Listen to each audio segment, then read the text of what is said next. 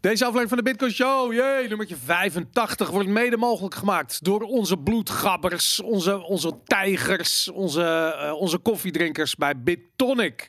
Want daar en alleen daar koop je ehm, de meest verse bitcoins. Je kunt ze ook verkopen, www.bitonic.nl. En in ons aller belang zijn ze een rechtszaak gestart tegen de Nederlandse banken. En alleen daarom al moet je ze supporten. www.bitonic.nl It's the Bitcoin Show with our very special hosts, Aaron, Boris, and Jan Willem. Yay! Yay, daar zit Waarom.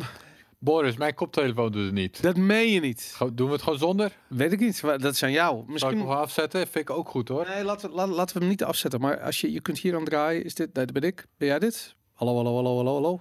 Ik hoor nog steeds niks. Oké, Andere koptelefoon? andere koptelefoon gaan proberen. Doen we gewoon live. Live in deze uitzending. Zo beginnen wij. Eén koptelefoon. Ja, kijk eens. Een werkende koptelefoon. Laten we deze Prachtig. uit beeld leggen. Weg met dat ding. Jawel, jongens. De 85e Bitcoin Show is losgebarsten. Vol ehm, stierige energie, zou ik wel willen zeggen. Eigenlijk. Hij mag wel iets zachter trouwens. Hij mag zachter. Ja. Nou, dat, dat kan ook nog. Ik denk dat deze, is hij zo zachter, is dit beter? Ja, Ja. zoiets, ja. Dat is beter denk ik. Stierige energie. Nou, daarom, eh, daarom zit Jan eh, er deze week niet bij. Want eh, hij mag thuis stierig zitten zijn. Of misschien wel berig. Ja, berig dus toch? Hij is berig, ja. Want is- hij heeft op de top gekold. ja. Hij, heeft, hij zei van, dit was het. Dit is het feest is voorbij. We gaan allemaal naar huis. We Ehm, gaan wel door met geld drukken, maar toch gaat alles... Eh, ik snapte er niks van, Boris. Ik snapte daar ook niks van. eh, maar goed, ik denk eerlijk gezegd, en dat vind ik het leuke hier aan de Bitcoin Show. Dit is niet. ehm, ehm, dit is een lopende discussie. En ik denk dat jij, ik en Jan allemaal naar de wereld kijken, of alle drie naar de wereld kijken, vol verbazing. En de hele tijd vanuit. Ja, van, is van het ene perspectief en het andere perspectief. En daarom is het zo tof om daarover te praten. Omdat eigenlijk weten we allemaal niet precies waar het heen gaat. We weten ongeveer wat er aan de hand is. Maar het is al moeilijk genoeg om te proberen daar grip op te krijgen. Heb je dat niet?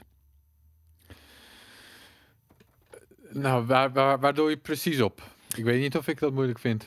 Eh, of we straks te maken krijgen met een melt-up of een melt-down. Oftewel een inflationaire crash of een deflationaire crash. Ja, nou, dat, Deflatoire. dat, lijkt Sorry, me... ik, dat- ik, ik, ik, gooi, ik gooi die woorden altijd door. Deflatoire of inflatoire. nee, dat weten we nu niet, maar dat is uiteindelijk dus een keuze die gemaakt gaat worden. Maar dat is inderdaad wel wat ik denk, het wordt een van die twee. Ja, En absoluut. dat is uiteindelijk dan de politieke keuze die ze moeten gaan maken. ja, maar die is de keuze toch lang. Ja, volgens mij wordt het een melt-up, ja. Ja, daarom. Dat ja. denk jij ook, ja. Daarom. Dus dat, eh, en Jan denkt dat een meltdown. Maar goed, dat, eh, eh, dat, dat gaan we dus zien. Dat is interessant. Ik ga even beginnen met de huishoudelijke mededelingen. Onze website www.bitcoinshow.nl. Daar kun je naartoe. Daar Eh, kun je zou trouwens, ik Ja. ga je gewoon onderbreken, Ja, je zou kunnen zeggen dat we al melt-up zien, hè? ja, natuurlijk. Want we, ja. hebben, we, hebben zien het al over huizenprijzen, maar ook bitcoin zelf. Ik bedoel, je ziet het nu dus, het wordt nu expliciet gezegd door van die mensen zoals Saylor en Elon Musk, van ja, Ja. liever dan in bitcoin dan in fiat. Dus dat is in feite al, dat, dat zijn al tekenen van een melt-up die Ja. je in bitcoin zelf ziet gebeuren. Precies.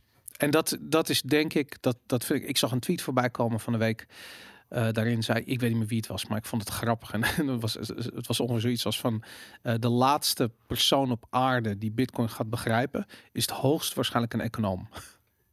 En ik vond het heel erg waar, omdat je daar zit- merk je nog, je ziet ze bij RTL ook altijd zitten van die, van die mannetjes die dan, die mannetjes die weten het allemaal zo goed. En die mannetjes die vertellen je dan dat er, dat, dat wat er allemaal niet kan en wel kan. Maar en vervolgens, ik weet het niet man, ik leef gewoon in een andere wereld denk ik. Ik, ik zie andere dingen.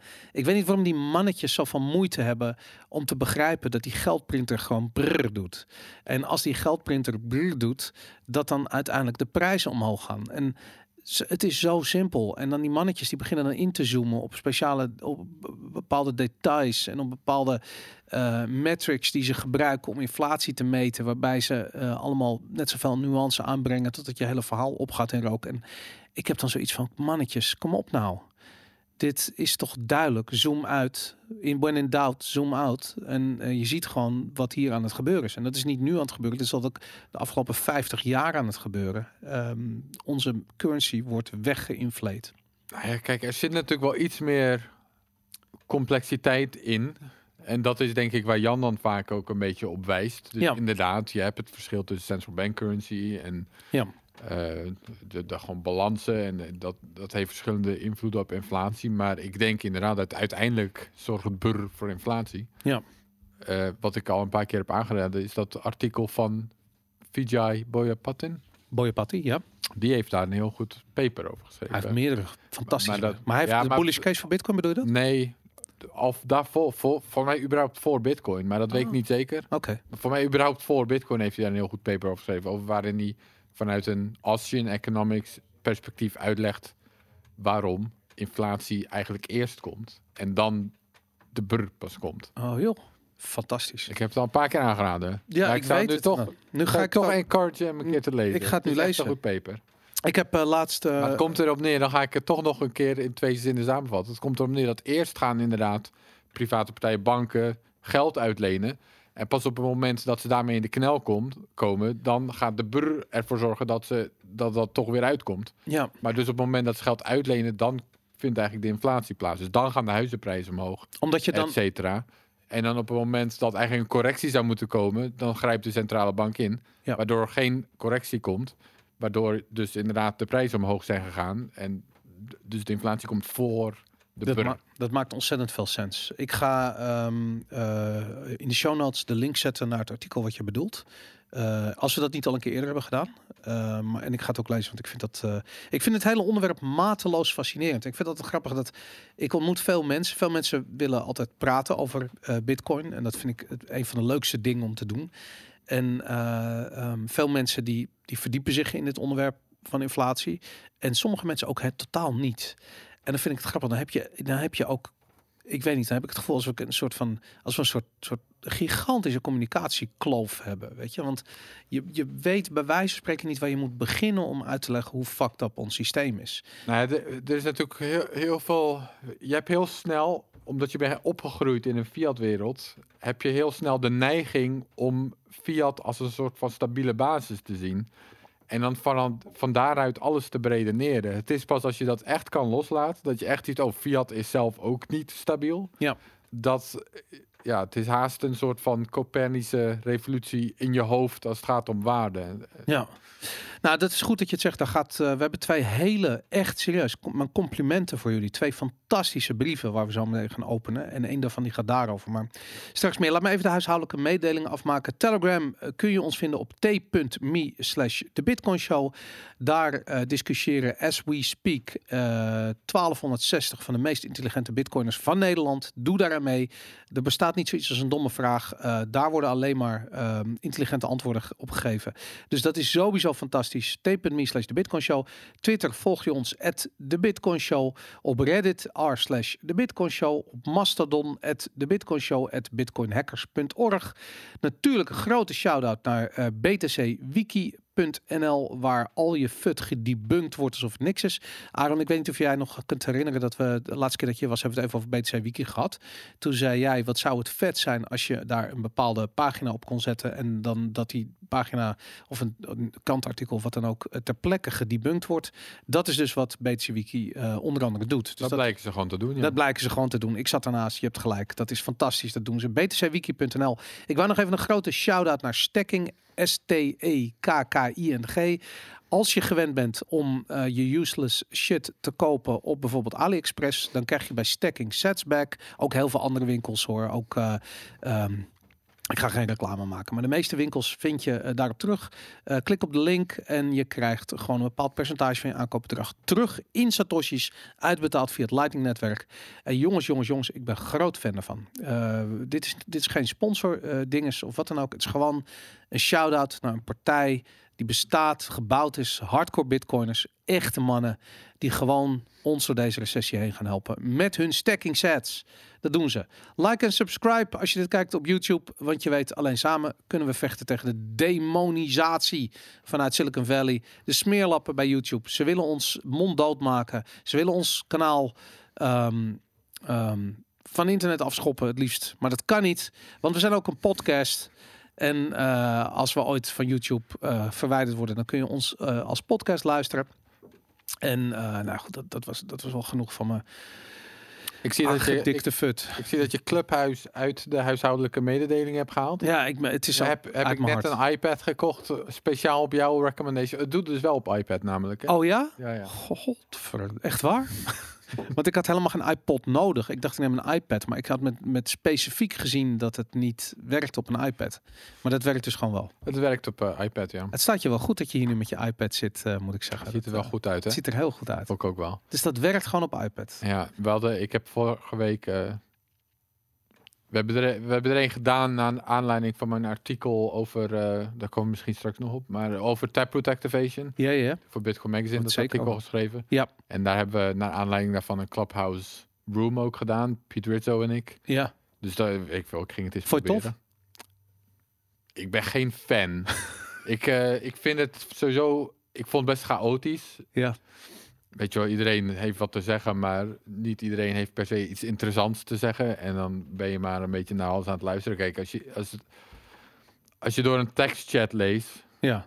weet je, op IRC een discussie of zo, en je wil een beetje bijhouden achteraf wat er was gezegd. Ja. En dan kan je nog vrij makkelijk een beetje skippen naar, ik weet dat Greg Maxwell iets interessants te zeggen gaat hebben, ik weet dat Beltje iets Ja. te zeggen. En dan kan je zo een beetje doorheen scrollen, weet je, want dan hoef je niet alles te lezen. En dan, Ja. dat, is, dat kan wel nuttig zijn, terwijl met Clubhouse, ja, dan moet je alles maar aanhoren. Ja. Nou, en, Daar ben ik geen groot fan van. En er zijn ook geen records van. Nee. Dus je kan het ook niet even rustig teruglezen. Maar goed, eh, het is weer een andere platform. En ik denk dat voor som... Ik ben ook niet iemand... Ik lees liever. Ik, dat, voor, als ik informatie moet processen, zeker als het technische dingen zijn... ja. dan vind ik het echt veel fijner om te lezen, zodat ik... Als ik iets niet snap, kan ik dus in nog even een keer lezen. Ja. Of ik kan even stoppen met lezen, even nadenken wat ik heb gelezen. Terwijl als je audio, dat ratelt maar door. En voor Ja. mijzelf werkt dat echt minder goed. Dus ik weet niet of Clubhouse in die zin voor mij goed is. Maar ik vond zich wel prima om het te doen. Ik vond het wel leuk om het aan mensen een beetje uit te leggen. En Ja. dat, dat, dat vond ik wel aardig. Dus ik denk dat op die manier ga ik het... Het is ook, Bitcoin Magazine wilde graag dat ik dat ging doen. Daarom heb ik de iPad eigenlijk vooral. Maar Oké, die heb je van Bitcoin Magazine gekregen. Ja, Vet. perks. heb je hem wel gekocht bij een winkel waar je sets bij kreeg? Nee, niet eens aan gedaan. Waarom niet? Jezus, dat kan dus via stekker. Ja, blijkbaar, ja. Ja. Ja, ja dus ja, maar op, dat, voor, dat, ik denk in die zin is het wel aardig. Dus ik denk dat ik het zo een beetje ga gebruiken voorlopig. Dus ik schrijf een artikel en daarna zo'n room en dan kunnen mensen er verder dingen over vragen. Ja. Dat is voor, op zich een aardig idee. Ja, ik vond het ook leuk, maar ik, ik, ik, ik, heb, ik heb eh, helaas ben ik niet begenadigd met veel geduld. En ehm, ik vind het soms al moeilijk. Laat ik zo zeggen, ik zet een podcast die langer dan twee uur duurt. Dan, dan moet echt, weet je, dan moeten echt wel Michael Saylor en Robert Breedlove erin zitten. Wil ik, wil ik daaraan beginnen? Ja, En als het ook maar enigszins richting geouwe hoer gaat, wil ik het af. En, en Clubhouse, dat is gewoon waar Clubhouse begint. Weet je, ik bedoel, het uitgangspunt is laten we gewoon lekker drie uur lang gaan ouwe hoeren. Ik, ik heb de tijd niet, ik heb er geen zin in. Het is gewoon, ik vind het echt een, ik begrijp niet waar mensen überhaupt de tijd. En ik zie bitcoiners letterlijk echt 24/7 op, de, op die shit zitten. Ik snap, ik snap niet waar ze de tijd vandaan halen. ja En- eens ja. Als je dan al moet luisteren, dan Mm. heb ik inderdaad ook iets... Moeten wij trouwens nodig zeggen, want Ja. wij zijn ook alleen maar aan het oude hoeren, oude hier. ja. Maar inderdaad, doe dan maar gewoon een lekker compacte podcast die even goed over een bepaald onderwerp gaat. Precies. En ik bedoel, wij, je kunt zeggen wat je wil. We zijn aan het ouwe hoeren, absoluut. Maar we houden het dan tenminste nog tot anderhalf uur. En we gaan niet eh, eh, eh, 300 man uitnodigen om allemaal een eh, mening te komen geven. Dat is ook trouwens ook de reden wat, waarom ik zoiets heb van we moeten die opnames, wat, we nu doen, niet live streamen. Omdat voor je het weet ben je de vragen van kijkers mee aan het nemen. En dat, dat hoeft niet erg te zijn hoor. Ik bedoel, dat is ha- hartstikke leuk. Maar ik heb het liever compact als briefvorm, zodat we er gewoon op de essentie in kunnen gaan. Wat we nu gaan doen ook. Ehm, dan dat je, eh, ja, bij wijze van spreken, nou goed, eh, heel veel tijd. Nou ja, dat vond ik inderdaad het vervelende, dat je ook een vrij groot deel van de tijd gewoon naar ongeïnformeerde shit zit te luisteren. ja, Waarvan precies. je denkt, ja, ik hoef jou niet echt te horen, want je, Nou, en eh, eh, dat is ook een je leert mij niks nieuws in ieder geval. Nee, daarom inderdaad. En dat kost gewoon veel tijd. En voor sommige mensen is dat wel heel interessant. Maar goed, we gaan naar Jan. Eh, niet onze Jan, ehm, een andere Jan. Ik zal zijn achternaam even niet noemen, want dan zou ik hem doxen. Maar Jan heeft een mail geschreven. En ehm, hij zegt: Hallo Boris, Aaron en Jan. Allereerst complimenten voor jullie geweldige podcast. Onlangs luisterde ik de podcast van, jawel, Lange Frans met Koen Vermeeren. Hierin werd onder andere gesproken over vrije energie. Dit zou onbeperkte, schone en gratis energie zijn, welke zich overal om ons heen bevindt. Ehm, het gebruik maken van deze energie is volgens Koen Vermeeren een buitenaardse technologie die onder andere gebruikt wordt in UFO's. Maar de techniek zou hier op aarde ook eh, reeds bekend zijn en onder andere ontdekt door Nikola Tesla. Overheden zouden echter de bekendmaking van vrije energie tegenwerken, omdat er anders geen geld verdiend kan worden door energiemaatschappijen. Nu ben ik benieuwd naar jullie mening over vrije energie. Geloven jullie hierin? En zo ja, in hoeverre is dit een reëel gevaar voor Bitcoin? Voor het minen van Bitcoin is tijd en energie nodig. Met oneindig veel energie zou je dus gigantisch veel miningcapaciteit kunnen creëren. Boom! En hij kopt hem in. Wat een prachtig, prachtige vraag. Ik vind het. Weet je, ik bedoel. Je moet er heel eventjes doorheen. Je moet heel eventjes... je moet heel even de podcast met confirmeren luisteren. En met alle respect voor confirmeren. Ik bedoel, die man is niet gek. Die heeft eh, hoogleraar geweest, TU Delft. eh, ehm, eh, is daar weggeknikkerd omdat hij met zijn leerlingen het ging over UFO's ging hebben. En toen werd die man doodgemaakt. Hij had zoiets van, ja, maar hallo, weet je. Ik bedoel, dit, dit- we kunnen het toch gewoon wetenschappelijk kunnen we dit benaderen. Weet je, van stel dat het bestaat, hoe zou het dan bijvoorbeeld werken? Weet je, nou, dat, dat kun je toch in een, in een klaslokaal kun je erover filosoferen. Nou, was, hij was niet welkom met zijn, met zijn shit over UFO's en toen werd hij eruit gebonsjoerd. En toen is hij eigenlijk doorgegaan in de UFO rabbit hole. Heeft hij een podcast over gemaakt. Nou, ik, ik, eh, ik hou van science fiction. En eh, eh, ik vind het hele onderwerp super cool. Ehm, ik kan niet genoeg krijgen van UFO's. Dus wat dat betreft vond ik het idee heel erg leuk. Ik ken ook de theorie over de vrije energie. De beschaving, oude beschavingen zouden er onder andere gebruik van hebben gemaakt. Atlantis. De, er zijn theorieën dat de piramides eigenlijk soort kerncentrales waren die daarop zouden draaien. Nou, whatever. Laten we daar niet ingaan. Maar het idee. Wij hebben namelijk ooit een keertje, Aaron, hebben wij het gehad over eh, attack vectors op Bitcoin. Een soort van tien scenario's voor het einde van Bitcoin. En Mhm. hier hebben we gewoon niet aan gedacht. En waarom ik dat zo leuk vind, is omdat over het algemeen de scenario's die je kunt verzinnen, die, zijn, die kun je wel afdekken.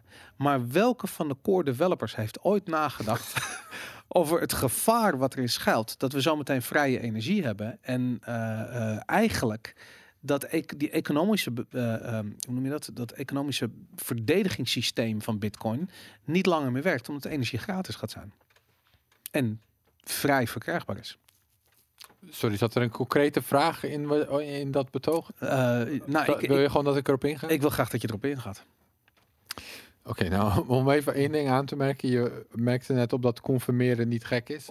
Ja. Dat hij een hoogleraar is. Mhm. Ik ken hem niet heel goed, maar ik heb wel... Kijk, Emin Gunsirer is ook een hoogleraar. Mhm. Ken ik niet. Emin Gunsirer. Ken ik niet. Oh, dat is eh, een ontzettende Bcash troll shitcoiner. Hij heeft nu ook zijn eigen shitcoin eh, shit. En Oh, die- nou, maar behoorlijk. Maar dat, dat is wel iemand waarin, waaraan ik in ieder geval heb gezien van... Oké, blijkbaar kun je ook hoogleraar worden. Want hij zit ook in een soort van relevante computer science aan Mhm. Stanford of zo. Ja. Ook niet... Maar ik, ik, ik, ik, het gaat me niet om confirmeren. Nee, het gaat om een theoretisch gegeven ik als heel- vrije Maar dat wil zou ik toch heel even zeggen. Dat ook als iemand zichzelf op een of andere manier tot hoogleraar heeft opgewerkt... wil nog niet per se zeggen dat hij ook geniaal is of zoiets. Oké, eens. Oké, laten we daar overheen stappen. En, en eh, ik heb een beetje door die podcast zitten skippen. En op een gegeven moment zag ik hem ook dingen zeggen als dat de Apollo-missies niet echt zijn geweest. Oh maar dat ja. mensen wel naar de maan zijn geweest. Maar dat in UFO's van Alien Technology hebben gedaan. Nou, Heeft hij ook die, die Du- Duitse U-boten die naar de, naar de maan zijn gevlogen? Die waren daar namelijk heel geschikt voor. oh ja. Heb je, Nee, maar Lange Frans had het wel Lange over de space is fake theory. Waar niet... Over de maanlanding is fake. dat is- space is- space is fake. Space fake? Ja. Jezus, die, oh, die is nieuw voor mij. Fuck. Hoe kan het fake zijn? Wat is het dan? Een soort groentesoep waar we als een gehaktbal in draaien. Nou, volgens mij schuurt dat heel dicht tegen de Flat Earth theorie aan. Dus dat we, dat, dat we in een soort van koepel of zo. En dus alles van space is überhaupt fake. Oké, Ehm, dus nice. ik, heb het, ik, ik heb het ook wel eens bij Joe Rogan voorbij zien komen. Niet op een manier dat Joe Rogan het zelf serieus nam, maar dat ze het gewoon over hadden. Ja. Maar Lange Frans leek er vrij serieus in mee te gaan, had ik indruk. Vet. Ik moet hem even laten Dat- indalen, want ik ken hem niet. Maar goed, maar laten we het, laten we het hebben ik wil over gewoon heel, heel even de context scheppen van, Ja. de, van de podcast waar het hier over ging. Ja, Nou, daar mogen mensen hun eigen mening over vormen. Ik zou voor veel van die dingen zeggen, zoek ook eens gewoon Google hetzelfde en dan die bank erachter en dan kijk je wat je dan maar dan krijg tegenkomt. je allemaal van die, van die dat, dat is allemaal van die fake news sites. maar laten we het hebben over vrije energie, daar gaan we het nu over hebben. Oké. Ik ken de theorie niet heel goed. Ik heb wel eens van gehoord dat Tesla ooit iets zou hebben uitgevonden of zo, dat, maar nooit in verdiept. Dus ik weet niet Je weet hoe. Tesla eh, onder wat voor verdachte omstandigheden aan zijn eind is gekomen. En dat de Nee, FBI... vertel. Nou, hij eh, is in een hotelkamer in New York. Eh, hij zocht investeerders voor zijn vrije energieproject.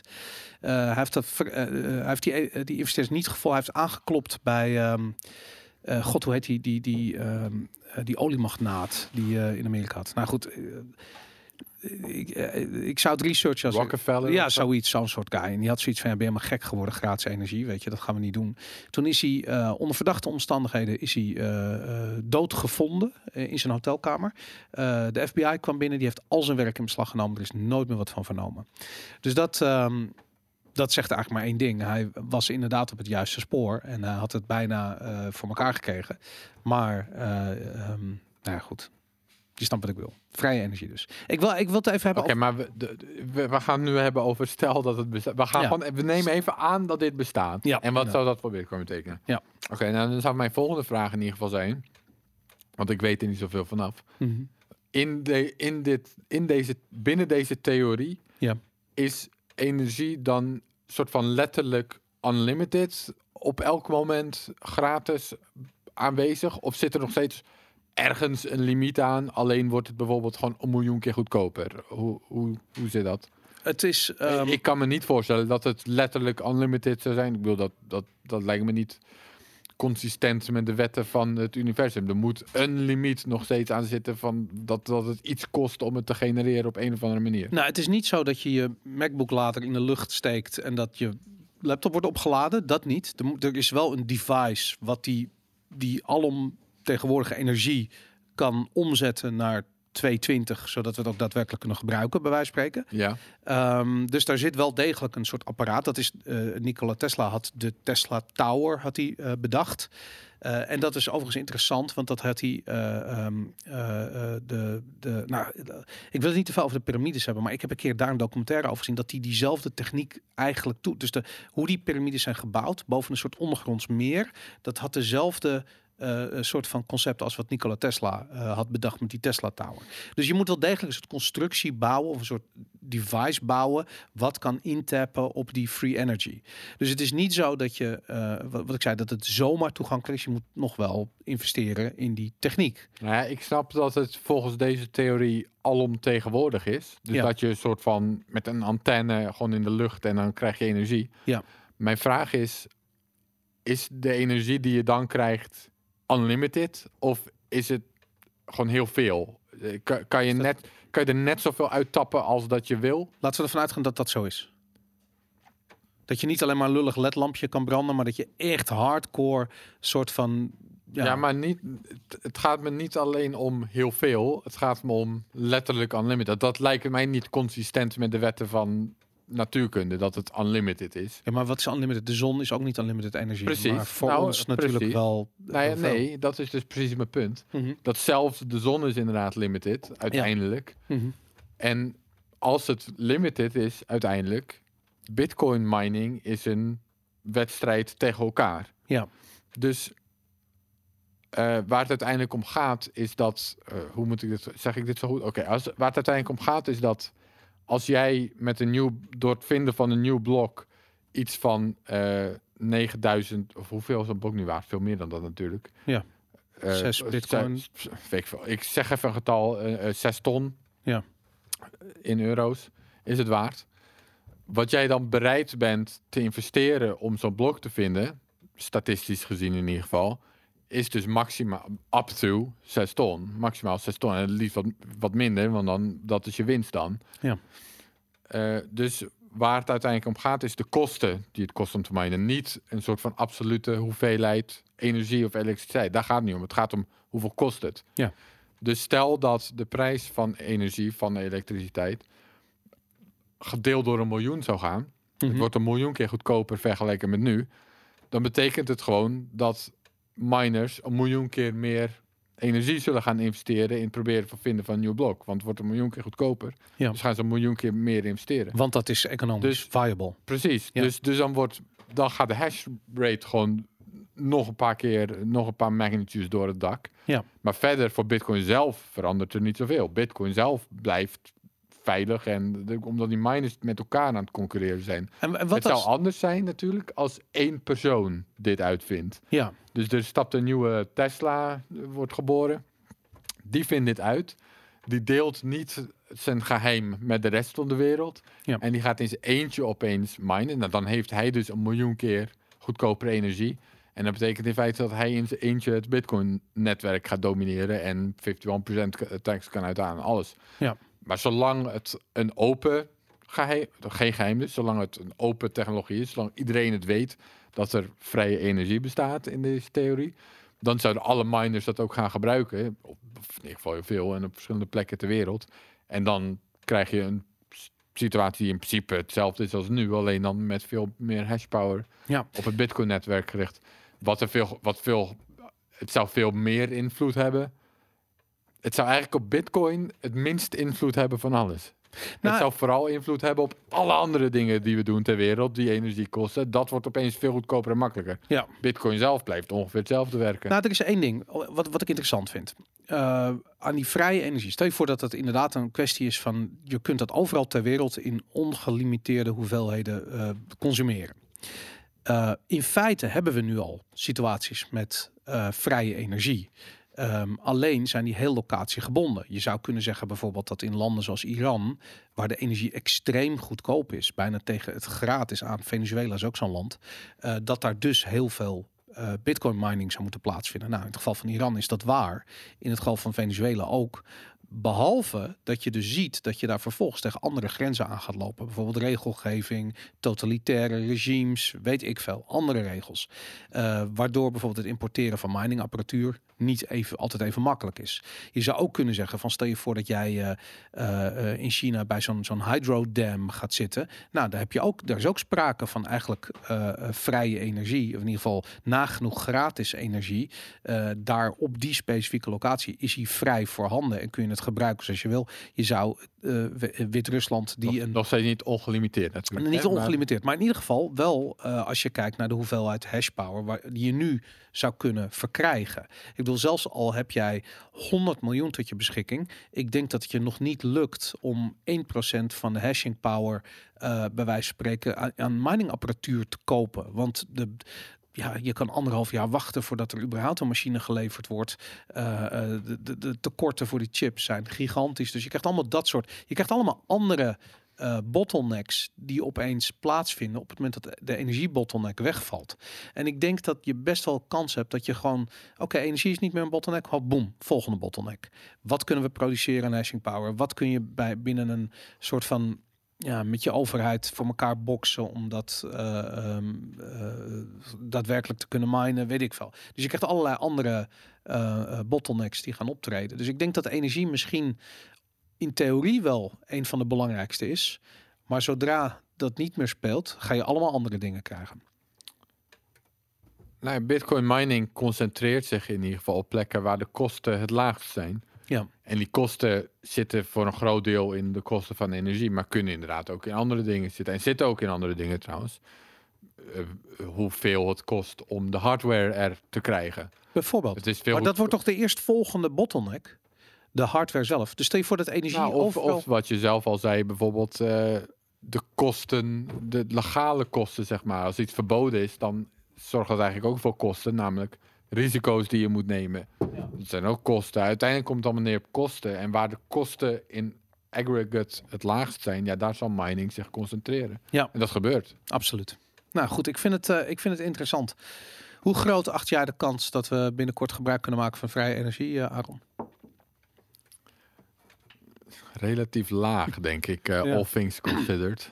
Ik denk het ook. Ik denk ook dat die kans klein is. Goed, laten we doorgaan met de volgende brief. Die is van de Jackster. Die heeft geschreven. Beste Aaron, Boris en Jan-Willem. Allereerst wil ik jullie bedanken. Ik luister nu bijna een jaar lang naar jullie podcast. En ik moet zeggen dat jullie content voor mij waardevoller is geweest dan een jaar lang studeren. Het is wat mij betreft nog meer dan goud waard. Bitcoin dus. Ik ben 19 jaar en ik zit in mijn eerste jaar van mijn studie economie. Iets langer dan een jaar geleden ben ik in aanraking gekomen met Bitcoin. Dat kwam voornamelijk door het bovengemiddelde interesse in ons monetair systeem. Hij wil zijn spaarcenten graag eh, beschermen tegen inflatie en hij heeft inmiddels een flinke reis door Bitcoinland achter de rug. Ik, ik, eh, ik uh, vat het eventjes samen. Um, anyways, zijn reis door Bitcoin land is, nog, land is nog lang niet klaar. Sterker nog, hij wil graag helpen bouwen. Uh, de positieve en, uh, positiviteit en energie die ik rondom Bitcoin heb ervaren is echt enorm. Uh, hij heeft het niet alleen over de prijs. Zonder deze positiviteit en energie zou ik slechter af zijn, want studeren in deze tijd is zeker niet leuk. Hebben we het al over gehad. De positiviteit van Bitcoin in tijden van lockdown is, niet, valt niet te onderschatten. Echter is er ook iets waar ik moeite mee heb. Dat is het besef dat de wereld waarin ik 18 jaar lang ben opgegroeid anders blijkt te zijn dan ik altijd gedacht had. Centrale banken en overheden doen niet altijd wat het beste is voor het volk. Inmiddels heeft de geschiedenis dit vaak genoeg laten zien. Dit doet me twijfelen aan allerlei dingen. Zo weet ik niet zeker of ik wel wil doorgaan met mijn studie economie, aangezien alles grotendeels vanuit één paradigma gedoseerd wordt. Het diep ingaan op andere economische theorieën ontbreekt en dit kan, kan ervoor zorgen dat ik in de toekomst uh, veel oogkleppen op heb. Dat is een vraag van de Jackson. Het is niet zijn vraag, het is een verhaal. Nee, er zit wel een vraag bij. Dus zijn vraag is, in hoeverre heb...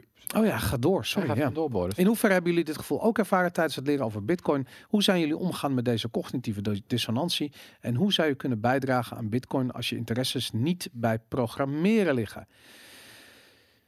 Ja, het zijn een boel vragen. Oké, er zijn wel veel vragen. Maar eigenlijk vond ik ze belangrijkste... Hij, hij twijfelt of je door moet gaan met de studie. Ja, wat vind jij daarvan? Uh, want hij is bang dat hij dan oogkloppen, oogkleppen op krijgt. Nee, ik denk, dit is juist precies. Ik denk dat het, ik denk, beste Jackster, dat het best wel een goed idee kan zijn, juist ook om door te gaan met studie, zolang je het zelf interessant vindt. In ieder geval, daar gaat het uiteindelijk om. Je moet het ja. wel interessant vinden waar je mee bezig bent. Maar zolang je er dus van bent bewust dat je inderdaad maar vanuit één paradigma gedoseerd krijgt, kan het nog steeds wel heel nuttig zijn om goed te begrijpen hoe dat paradigma eruit ziet. Juist omdat je daarmee ook heel erg zinnige kritiek erop kunt, eh, kunt geven. Dus je geeft in je e-mail aan dat je bijvoorbeeld Nassim Taleb leest. Nou, dit vind ik een uitstekende criticus van, de, van het economische mainstream paradigma. En inderdaad, je hebt ook Austrian Economics. En dat, eh, zolang je daarvan bewust bent en zolang je daar ook in verdiept, dan denk ik dat het ook heel nuttig kan zijn om, om dan juist ook te leren hoe mainstream erover denkt. Ja. Ja, nou ja, ik herhaal mezelf. Maar juist omdat je dan ook een beter geïnformeerd criticus erop kan zijn. Het is belangrijk dat je het zelf interessant blijft vinden. Dat we, en dus je zult ook vast wel nuttige dingen leren. Daar, dat, dat lijkt me ook wel. Ja, en wat, maar, je Moet, maar zolang je dus goed van bewust bent dat het inderdaad één specifiek paradigma is, hoeft dat niet per se heel erg te zijn. Nou, en ik vind het ook heel erg interessant. En, en nogmaals, wij geven geen uh, studieadvies. maar um, uh, je, het geeft je de mogelijkheid als je die studie volgt om van binnenuit kritiek te leveren. Dus je, je kunt direct in discussie gaan met je, uh, met je leraren en ook met je medestudenten over dit soort onderwerpen. En dat is super interessant, want het is te voor de hand liggend dat mensen die geen vertrouwen hebben in het huidige monetaire systeem afhaken bij dit soort studies. Terwijl het doel is juist om, die Oostenrijk, om dat Oostenrijkse gedachtegoed te bespreken met iedereen die bezig is met zich soort van voor te bereiden, um, uh, studietechnisch gezien, op een toekomst in die financiële industrie. Dus wat dat betreft denk ik dat het uh, nuttig is om het, om het af te maken of om in ieder geval door te gaan, uh, zolang je het leuk vindt inderdaad. Um, en ik denk namelijk ook dat uh, je bent echt niet de enige. Ik ken bijvoorbeeld een vergelijkbaar verhaal van iemand die studeert medicijnen. En die wilde afhaken omdat hij vond eigenlijk dat hij alleen maar soort van uh, bijsluiters aan het leren was. Weet je, dus stel je voor je hebt een bepaalde ziekte, die leer je dan, leer je ongeveer wat die ziekte is. En dan dit is wat we eraan doen. Nou, dan geven we dat en dat en dat medicijn en dan klaar. Terwijl, um, weet je, veel, zeker veel lifestyle gerelateerde ziektes, uh, daarvan is, wordt men zich nu bewust dat er ook hele andere aanpakken zijn. Bijvoorbeeld door gezond te gaan eten en uh, goed, enzovoort, enzovoort. Um, maar wat je dus ziet, is dat er een hele generatie aan medische professionals uh, nu uh, aan het studeren zijn. Die zometeen van school afkomen en die niet meer klakkeloos die, die, die recepten van die, van die medische industrie voor kouwen, maar die gewoon ook gaan nadenken over wat is gezondheid nou werkelijk. Nou, het is super belangrijk. En ik denk dat je dat in een studie economie ook exact op dezelfde manier kunt hebben. Dus misschien ben je een van de eerste, maar je bent zeker niet de enige. En ik ben ook benieuwd of er luisteraars zijn uh, of kijkers die in dezelfde situatie zitten of gezeten hebben en doorgegaan zijn. Want ik weet namelijk bijvoorbeeld, een goed voorbeeld vind ik eh, Lex Hoogduin, die natuurlijk een uh, hoogleraar is, volgens mij in Groningen, economie. En die, um, die, die hangt best wel een beetje naar die Oostenrijkse school toe. Maar echt het is flinterdun. Hij, hij, hij durft zich bijna niet uit te spreken ervoor. Weet je, hij, hij, schermt er gewoon een beetje mee. En ik heb gewoon zoiets van ja, ook zo iemand op het moment dat hij door zijn studenten geprikkeld wordt om daar uh, echt over te gaan praten en te vertellen wat hij weet, dan denk ik dat het heel zinvol is. Want nu weet hij gewoon van ja, ik, ik ben uh, uh, in, een, in een wereld die gedomineerd wordt door Keynesiaans denken, ga ik niet het achterste van mijn tong laten zien natuurlijk. En dat is natuurlijk het probleem wat je met, met veel economen hebt. Daarom ook dat gezegde van de laatste persoon op de wereld die Bitcoin begrijpt, is waarschijnlijk een econoom. Want die zit zo vast in dat Keynesiaanse denken. Dus de Jackster, eventjes samengevat, doet, gaat door uh, um, en verander de wereld. Dat is denk ik het beste advies dat we kunnen geven, toch? Helemaal goed. Ja, toch? Ja. Hij vraagt verder ook nog hoe we omgaan zijn met ja, een, een, ander goed, een, ander goed, een ander goed voorbeeld is bijvoorbeeld um, Nick Zabo, die dus uh, ja, eigenlijk af wil, om het zo maar, die wil eigenlijk naar, die, hè, die was heel erg geïnspireerd door Tim May. Ja. Die wil eigenlijk naar een soort van uh, crypto-anarchistische wereld. Mm -hmm. En juist daarom is hij rechten gaan studeren, law, uh, ja. om, om goed te begrijpen wat nou eigenlijk de ideeën zijn erachter en wat ze daar, wa waarom dat bestaat en hoe dat allemaal werkt. Juist om het dan zo goed mogelijk te kunnen bekritiseren en uiteindelijk te kunnen vervangen met technologische oplossingen, smart contracts en dat soort dingen. Ja, ja dat is fantastisch. Ik denk inderdaad, daar zit, de, daar zit de oplossing in. En dat, uh, ja, dat is geweldig. Nog eventjes over die cognitieve dissonantie, Aaron. Uh, kun jij het moment herinneren waarop je je realiseerde dat uh, de wereld niet was zoals je geleerd hebt dat die was? Um, dat, was dat een moment? Is dat een proces? Hoe, hoe ging dat bij jou? Even denken hoor. Uh, waar gaat het dan precies om? Over bitcoin specifiek? Over geld überhaupt? Wat jij wil. De wereld was anders dan je hebt geleerd toen je van, de, van school afkwam. of weet ik van wat voor moment het voor jou was. Nou, ik weet nog wel dat ik een keer in het bos aan het trippen was met een paar vrienden. En dat, we, en dat we toen over geld begonnen te praten. Ja. En dat we, dit was dus nog wel voor Bitcoin, maar dat we toen echt een beetje tot het besef kwamen van ja, wat is het nou eigenlijk? Het is alleen maar een geloofssysteem en Ja. je zou het dus ook anders kunnen doen. En hoe dan? En dat, dat, dat kan ik Daar- me nog wel herinneren. En daar had je paddo's voor nodig? Of was dat? Ja. Ja, vet. cool. Ja, nou maar goed, eh, dat, eh, niks mis met paddo's. Ik denk dat dat, eh, dat, dat een fantastische tool is om die gesprekken te... Maar goed, dan heb je dus die cognitieve dissonantie. Dat je dus ziet van, hé, hey, ja, weet je, ik bedoel, als je dan de mannetjes op RTL ziet, dat je denkt van, ja, wa- wat jullie zeggen is ook maar, ehm, ja, weet je, een... een beetje een achterhaald idee, weet je, waar je in blijft geloven. De wereld zit anders in elkaar en het ziet er ongeveer zo en zo uit. Ehm, je had niet het gevoel dat je dat, dat, dat soort van de, je wereldbeeld op zijn kop zet. Nee, maar ik was al, eh, niet alleen door die paddo-trip, maar ik was sowieso wel al gewoon bezig met beetje het geldsysteem en daarover aan nadenken en economie. En ik was al best wel kritisch over economie als wetenschap en las daar ook wel over. En, en toen kwam Bitcoin op mijn pad. Dus het is voor mij wel een beetje in die volgorde gegaan. Oké. Dat ik, ehm, dat, dat ik daardoor, denk ik, redelijk snel herkende dat ja, je kunt geld inderdaad anders doen. En Bitcoin was een voorstel om het anders te doen. Mhm. Dus het is niet bij mij per se zo gaan dat ik eerst Bitcoin en toen pas daarover na ben gaan denken. Grappig. Ik heb, dat, ik heb het al eens vaker verteld. Ik heb het ook in meerdere podcasts verteld. Ik heb dat aan de hand van 9-11 gehad.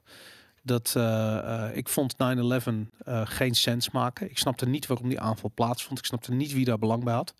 En toen zag ik een, ehm, een lezing van een oud FBI-agent. Zijn naam ontschiet me uit. Hij, heeft, hij leeft niet meer, maar hij, heeft een, eh, hij gaf een presentatie en zei van ja, als wij een onderzoek beginnen, dan kijken we altijd van wie, wie heeft er financieel belang bij, weet je, Eh, quid bono.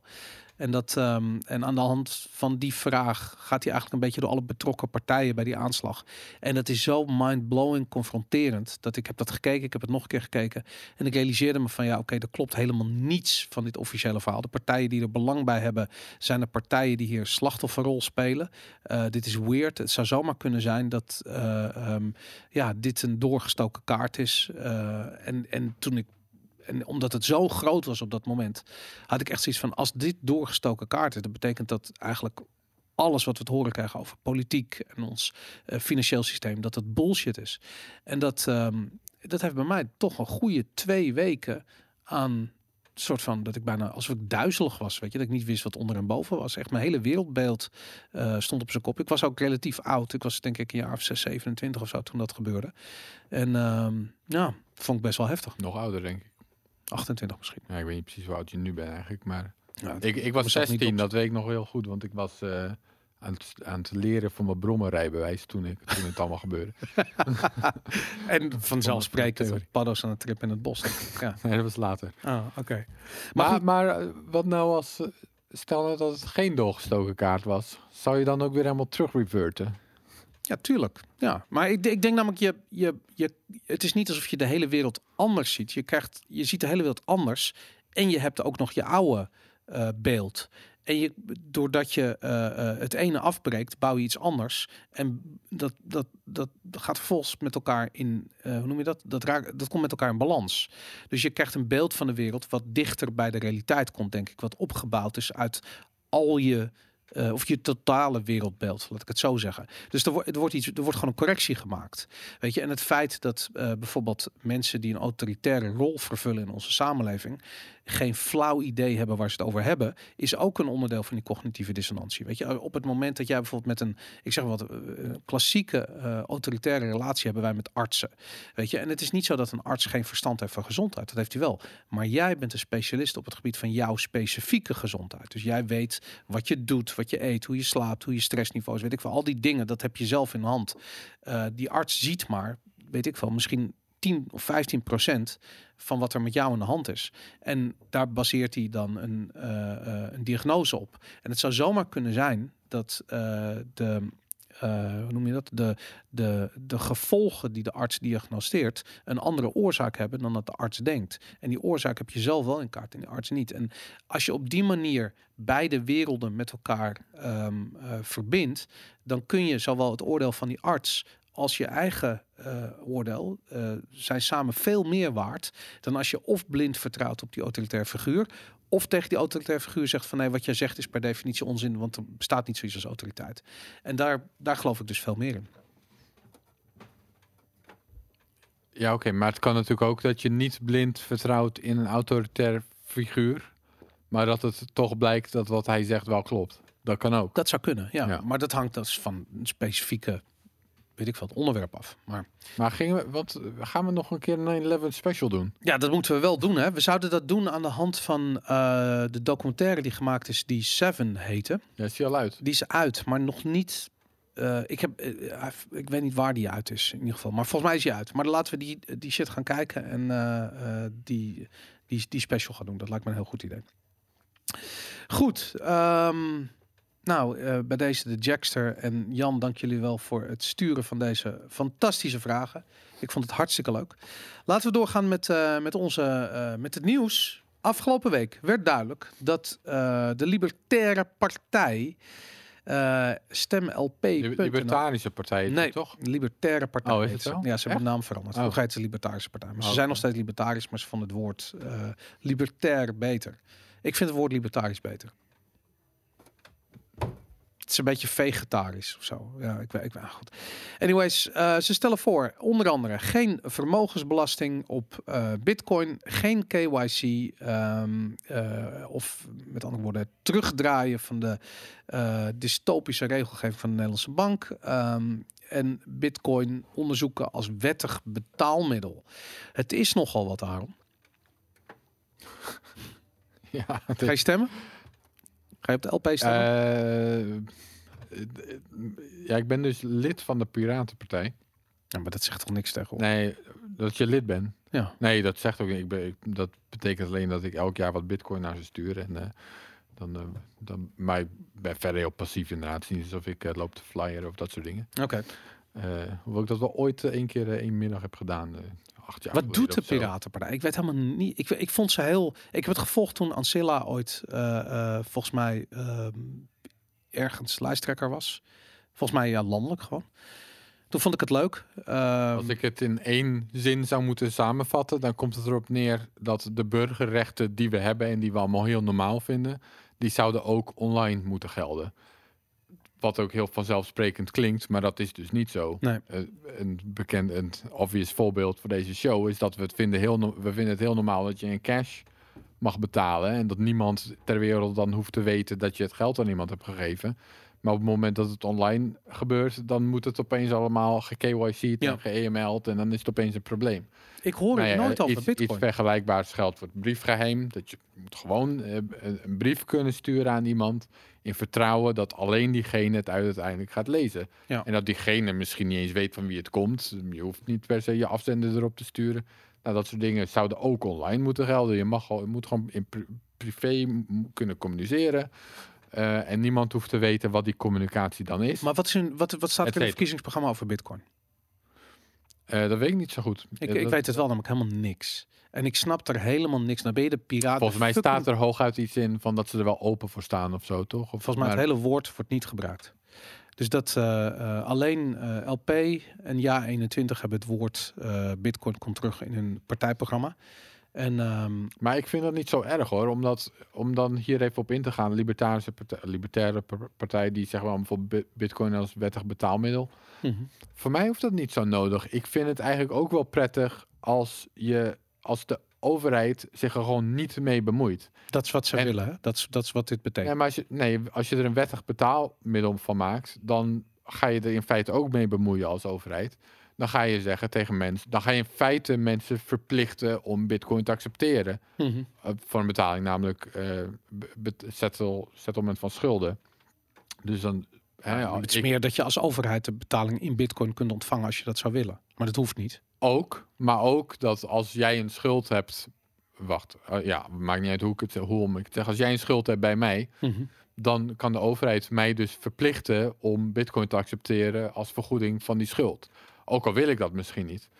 Daar komt dan ook bij kijken dat uiteindelijk kunnen er situaties ontstaan dat de overheid dan moet gaan bepalen wat Bitcoin is.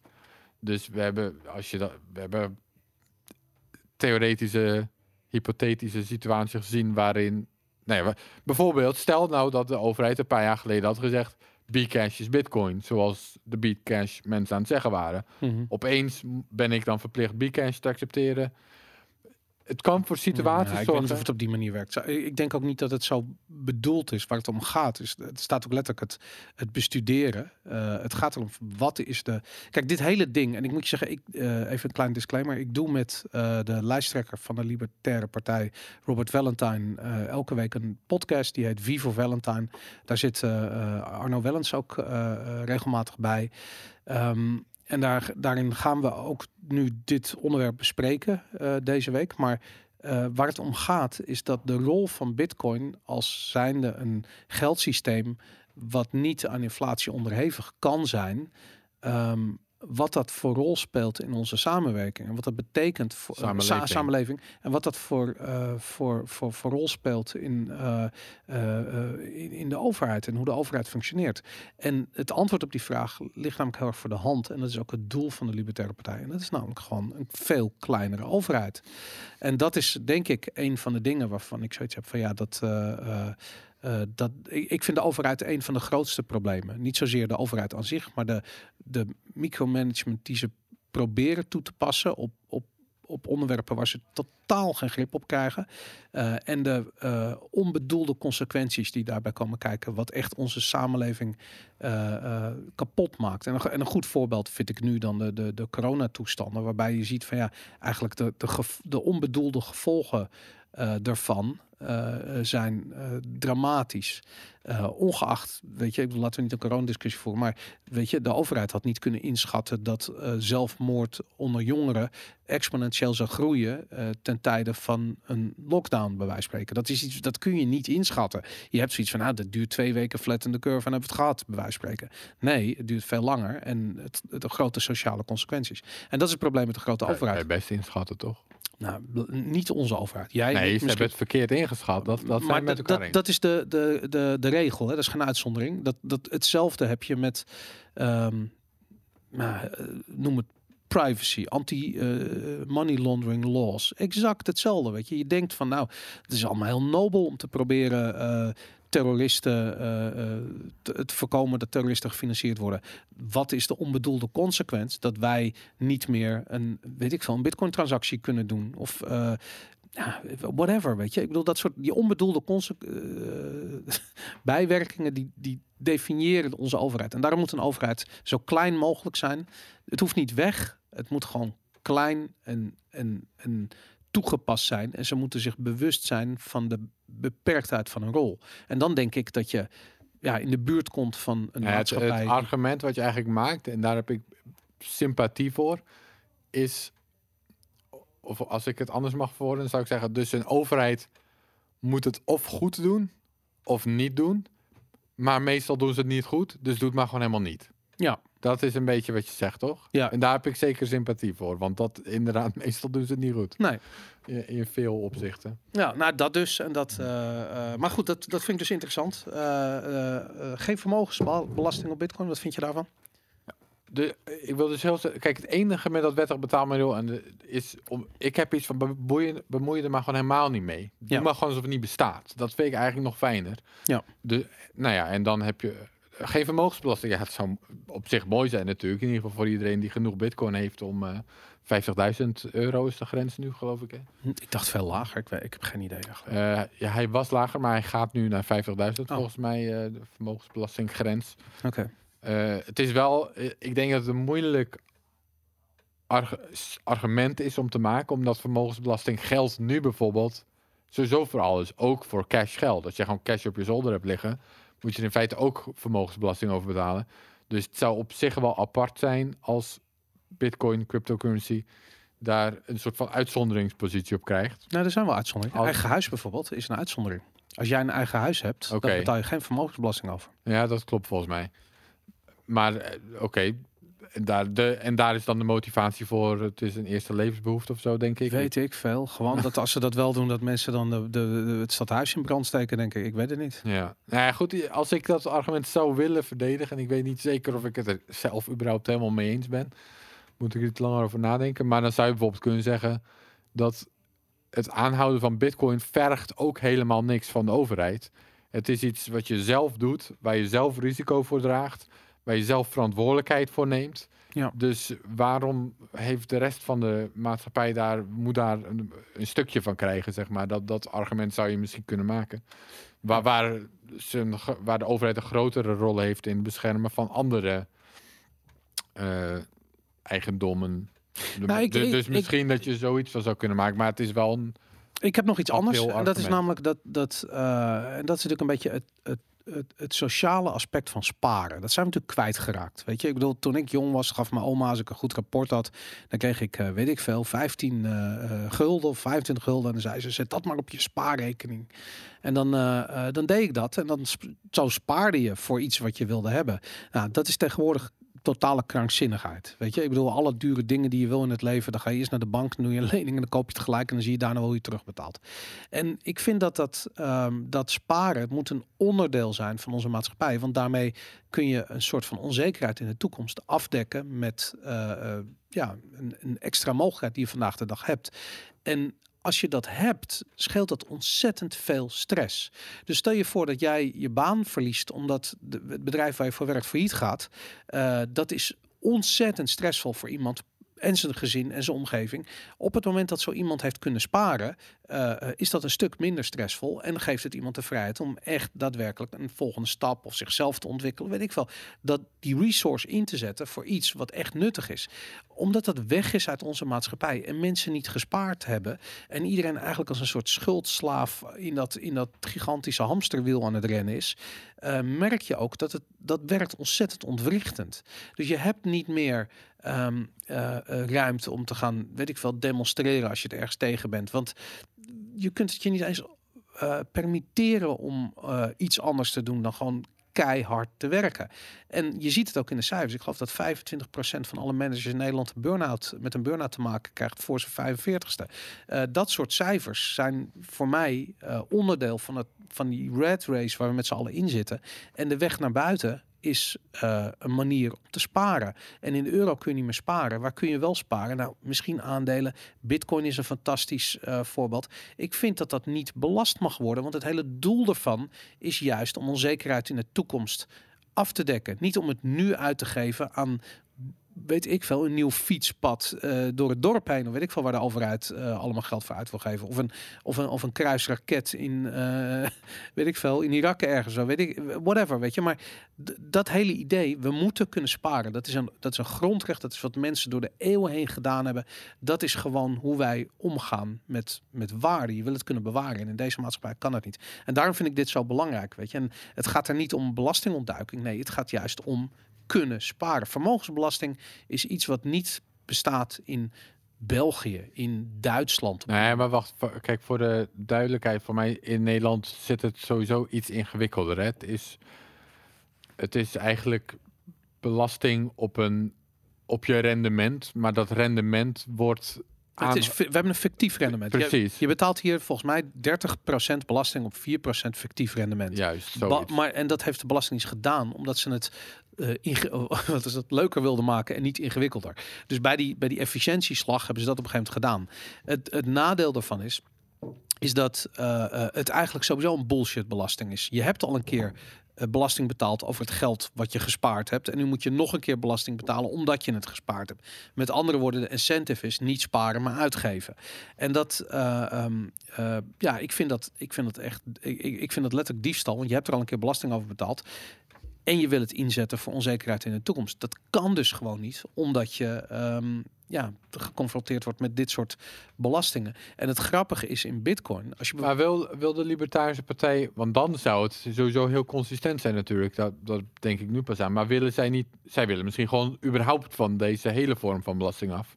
Ze dus wil- ook als het gaat om aandelen en alles. Ze willen gewoon van vermogensbelasting af. Er staat letterlijk geen vermogensbelasting op cryptocurrency. Met andere woorden, dat wordt een tool om Maar wordt dat een uitzondering of wordt, dat, wordt het, zeggen ze gewoon geen vermogensbelasting? Ik zal het vragen aan Robert als ik straks eh, de een podcast met hem opneem. Doe dat. Dat eh, laatste zou ik ja. heel consistent en logisch vinden. Dat, dat zou ik ook consistent en logisch vinden. Dat zou super cool zijn. Of op zijn minst zou je kunnen zeggen, er was laatst, we hebben het in de show een keer over gehad, dat er sprake van was dat ze misschien het belastingssysteem wilden omvormen, waardoor geld op de bank, of gewoon cash, of fiat dus, wat je aanhoudt, minder belast zou gaan worden dan aandelen. Dat is Daar gebeurd. Dat, dat is al zo. Als nee, jij je geld... mij niet. Jawel, Maar- jawel. Dat is onderdeel van die, van die nieuwe eh, box 3 regelgeving. Geld op de bank wordt anders belast tot een bepaald bedrag dan als je het bij wijze van spreken pint en onder je matras legt. En dat, dat nee, maar ook minder dan, dan aandelen. Al, eh, alles dan cash op de bank. Met ik, andere ik dacht dat dat er niet doorheen was gekomen hoor. Maar in ieder geval, laat ik even, laten we er even vanuit gaan dat het doorheen komt of dat het anders, dat het Mhm. er later doorheen komt. Dan zou ik het ook wel weer eerlijk vinden als je bitcoin dus ook daaronder laat vallen, omdat het geld is. Ja. Maar Nou, goed, ehm, Oké, anyways, de Libertarische Partij. Stem maar op ga jij, p.nl. jij gaat erop stemmen, begrijp ik. Ik, eh, eh, als ik, ik je zo hoor. overweeg dat heel serieus Ja. om dat te doen. Dus eh, het is of dat of niet stemmen dan. Of, Nee, dat niet. Nee, Oh. het is of dat of een partij die rigoureus tegen de lockdowns is. En dat, nou, dat is er maar één in dat is er maar één hier in de. Kamer. Daarom inderdaad. Dus dat is mijn, mijn afweging op dit ogenblik. Ehm, Maar dat is de Libertarische Partij misschien ook wel, toch? Of niet? Li- lijkt me Libertarische Partij is absoluut heel erg anti-lockdown. Alles, alle overheidsinmenging en dat soort dingen. Eh, en het is natuurlijk raar, want libertariërs gaan over het algemeen niet stemmen. Dus het is dan raar dat je dan een partij voor libertariërs Dus dat is een beetje waar ze nu mee aan het strukkelen zijn. Dus dat, eh, maar goed, ik vind, ehm, eh, ik ben groot voorstander van hoe zij naar Bitcoin kijken. En ja, wat ik al zei, ik, ik heb hier met Robert over gesproken. En ik vind, het, ik vind het cool hoe zij erin staan. En ik hoop dat ze in ieder geval een stem krijgen in de Tweede Kamer. Dus in ieder geval één zetel halen bij de verkiezingen. Zodat ook dit soort standpunten daar eh, naar voren komen. Dat, eh, dat hoop ik van harte.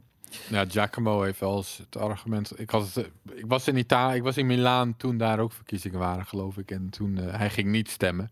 En zijn argument was dat de, de waarde van zijn stem, het gewicht van zijn stem. Mhm. Zij was niet per se, hij was niet eens per se principieel tegen stemmen, als er iets van een libertarische partij zou zijn. Mhm. Of tenminste misschien ook, maar zijn argument was de tijd die het mij kost om naar het stembureau te gaan. Ja. Dus de waarde die ik verlies door de efforts te doen, Mhm. die weegt niet op tegen wat het uiteindelijk, wat mijn stem uiteindelijk waard Ja. is. En dat is in Dacht Nederland. ik dat is wel een heel rationele reden om niet te stemmen, inderdaad. Dus dat, dat Ja. valt wat. eh, Nou, het is natuurlijk. wat in. Ik bedoel, stemmen is sowieso niet rationeel. Want we krijgen uiteindelijk aan het eind van de rit gewoon weer een coalitie van exact dezelfde partijen. waar we al 15 of 20 jaar lang door geregeerd worden. En het is inmiddels zo'n regentenclubje geworden. En het staat zo ontzettend ver van de maatschappij af. Dat ik zoiets heb de problemen die dat veroorzaakt, eh, die kunnen ze zelf sowieso niet oplossen. Dus of ik weet niet, ik, of er gaan op een gegeven moment een miljoen mensen de straat op om eh, eh, ergens te demonstreren. Of ehm, ja, ik weet niet. over misschien denken de mensen, me- de meeste mensen gewoon anders over dan jij. Dat kan natuurlijk ook nog. Nee, dat kan was niet. vol- dat heb jij het nou weer over? Volgens mij is sowieso, ehm, was de ChristenUnie, die zit nu toch in de coalitie. Was dat niet voor het eerst of zo ook? Ik heb echt geen Dus, idee. man. Ik soms vind- het soms, komt er wel iemand tussen, Boris. weinig Het is gerust niet helemaal kansloos. Ja, nou, maar nou goed, oké. Goed. ehm, LOT is true. Aaron, dit is jouw, dit is jouw, jouw vlaggenschip. Dit is jouw onderwerp. Je hebt een, een, een fonkelend eh, artikel geschreven in, eh, in Bitcoin Magazine. Het is, weet ik veel, heel vaak geretweet, eh, heel veel geliked. Dus ik heb we die anders ook gewoon nog even in de show notes gooien straks? Ja, ik begrijp eigenlijk niet waarom die er niet in staat. want Ik kan had wel openstaan. Ik er ook niet aan gedacht. Hey, wat, eh, eh, wat is er aan de hand? Nou, we, we, we hebben het er natuurlijk vorige aflevering ook al over gehad. Dus ik weet niet. nou, oké, ik zal het gewoon kort samenvatten. Dus in principe de Taproot upgrade is ready to go. Ja. De code is geschreven, is zelfs gemerged in Bitcoin Core. Het enige wat er nu nog moet gebeuren is de code moet worden geactiveerd. Ja. Het is een soft fork upgrade. Dat Mhm. betekent dat het in principe backwards compatible is. Of om het iets specifieker te zetten, zeggen een soft fork is een upgrade die de regels strikter maakt of nieuwe regels erbij. Dat betekent dus dat als een meerderheid van de hashpower de nieuwe regels enforced, dan blijft het netwerk compatible. Dan blijft iedereen deel van hetzelfde Bitcoin-netwerk. De nieuwe nodes, die blijven deel van het netwerk, want die zien dat de regels goed worden enforced. De oude nodes, die blijven ook deel van het netwerk, want het is niet alsof oude regels opeens worden gebroken. Er zijn gewoon nieuwe regels bij en dat vinden ze prima. Ja. Dus het kan wel zo zijn dat er bijvoorbeeld gekke transacties gebeuren op het netwerk, waarvan die oude nodes niet snappen waarom. Hè, dus er worden bijvoorbeeld bitcoins naar een anyone can spend adres gestuurd. Dat betekent vanaf het perspectief van een oude node dat iedereen die bitcoins kan uitgeven, dat er niet eens een signature nodig is of zo. Hmm. Terwijl voor nieuwe nodes, die zien, oh, maar er zijn eigenlijk nieuwe regels, namelijk de taproot regels. En dus er is nog wel wel het signature nodig, bla bla bla. Oké, Oké. die oude nodes, die denken misschien, hé, dat is gek. Eh, anyone can spend. Waarom zou iemand ooit geld naar een... Maar er worden geen regels gebroken, dus whatever, het is fine. We volgen gewoon die blockchain. Dat is in principe het idee van een software. Dus ehm, de veiligste manier om dat te activeren is als je inderdaad een meerderheid van de hashpower heeft die de nieuwe regels enforced, om de, re- om de reden die ik net heb gezegd. Ja. Oké. Dan kun je dus eh, een minor activated soft fork, dat wil zeggen, dat is hoe, de- hoe we een paar keer een soft fork hebben gedaan de afgelopen keren. Die, eh, die vraagt in feite aan miners om te upgraden en dan een signaaltje in de blokken die ze minen te zetten. En dan op het moment dat een grote meerderheid van het netwerk, grote meerderheid van de blokken zo'n signaaltje heeft, dan 95% meestal, dan weten de nodes, dan weten de upgra- nodes, oké, nu is het veilig om te gaan, want hè, al dat hash power supported. we zien nu 95%. Dan gaan we over twee weken precies, en dat weet dan iedereen, gecoördineerd de regels enforcen. Vanaf dat moment is de softfork dus actief en is iedereen blij. Dan hebben we de upgrade en, nog steeds een netwerk waar iedereen met elkaar communiceert. Vier jaar geleden hebben we het probleem gezien dat een kleine, of ja, een aantal miners, die waren op zich klaar voor Segwit. Die waren op zich, alles was in orde. Er was ook brede community consensus voor Segwit. Eh, alleen, we zaten toen midden in de block size wars. En toen gingen een aantal miners eigenlijk tegenwerken. Die gingen zeggen: nee, wij gaan niet signalen dat we, eh, dat we klaar zijn. Tenzij er ook een hard fork in de code komt. Mhm. Want wij willen een hard fork. Dus ze gingen eigenlijk wat was bedoeld als een coördinatiemechanisme, gingen ze misbruiken om een soort van politieke leverage te krijgen. Ja. Nou, dat is toen. Is er een. eh, er was van alles aan de hand ook nog met. eh, de, de, op een gegeven moment ehm, hadden we de ASIC boost eh, vermoeden. Dus dat miners er ook nog belang bij hadden. Omdat ze in het geheim een patent aan het gebruiken waren om efficiënter te minen. En Segwit zou dat in de weg zitten. En dat we, zeiden ze niet openlijk. Dat soort dingen waren ook nog aan de hand. Ja, ik heb helemaal weer vergeten inderdaad. Ja, maar inderdaad.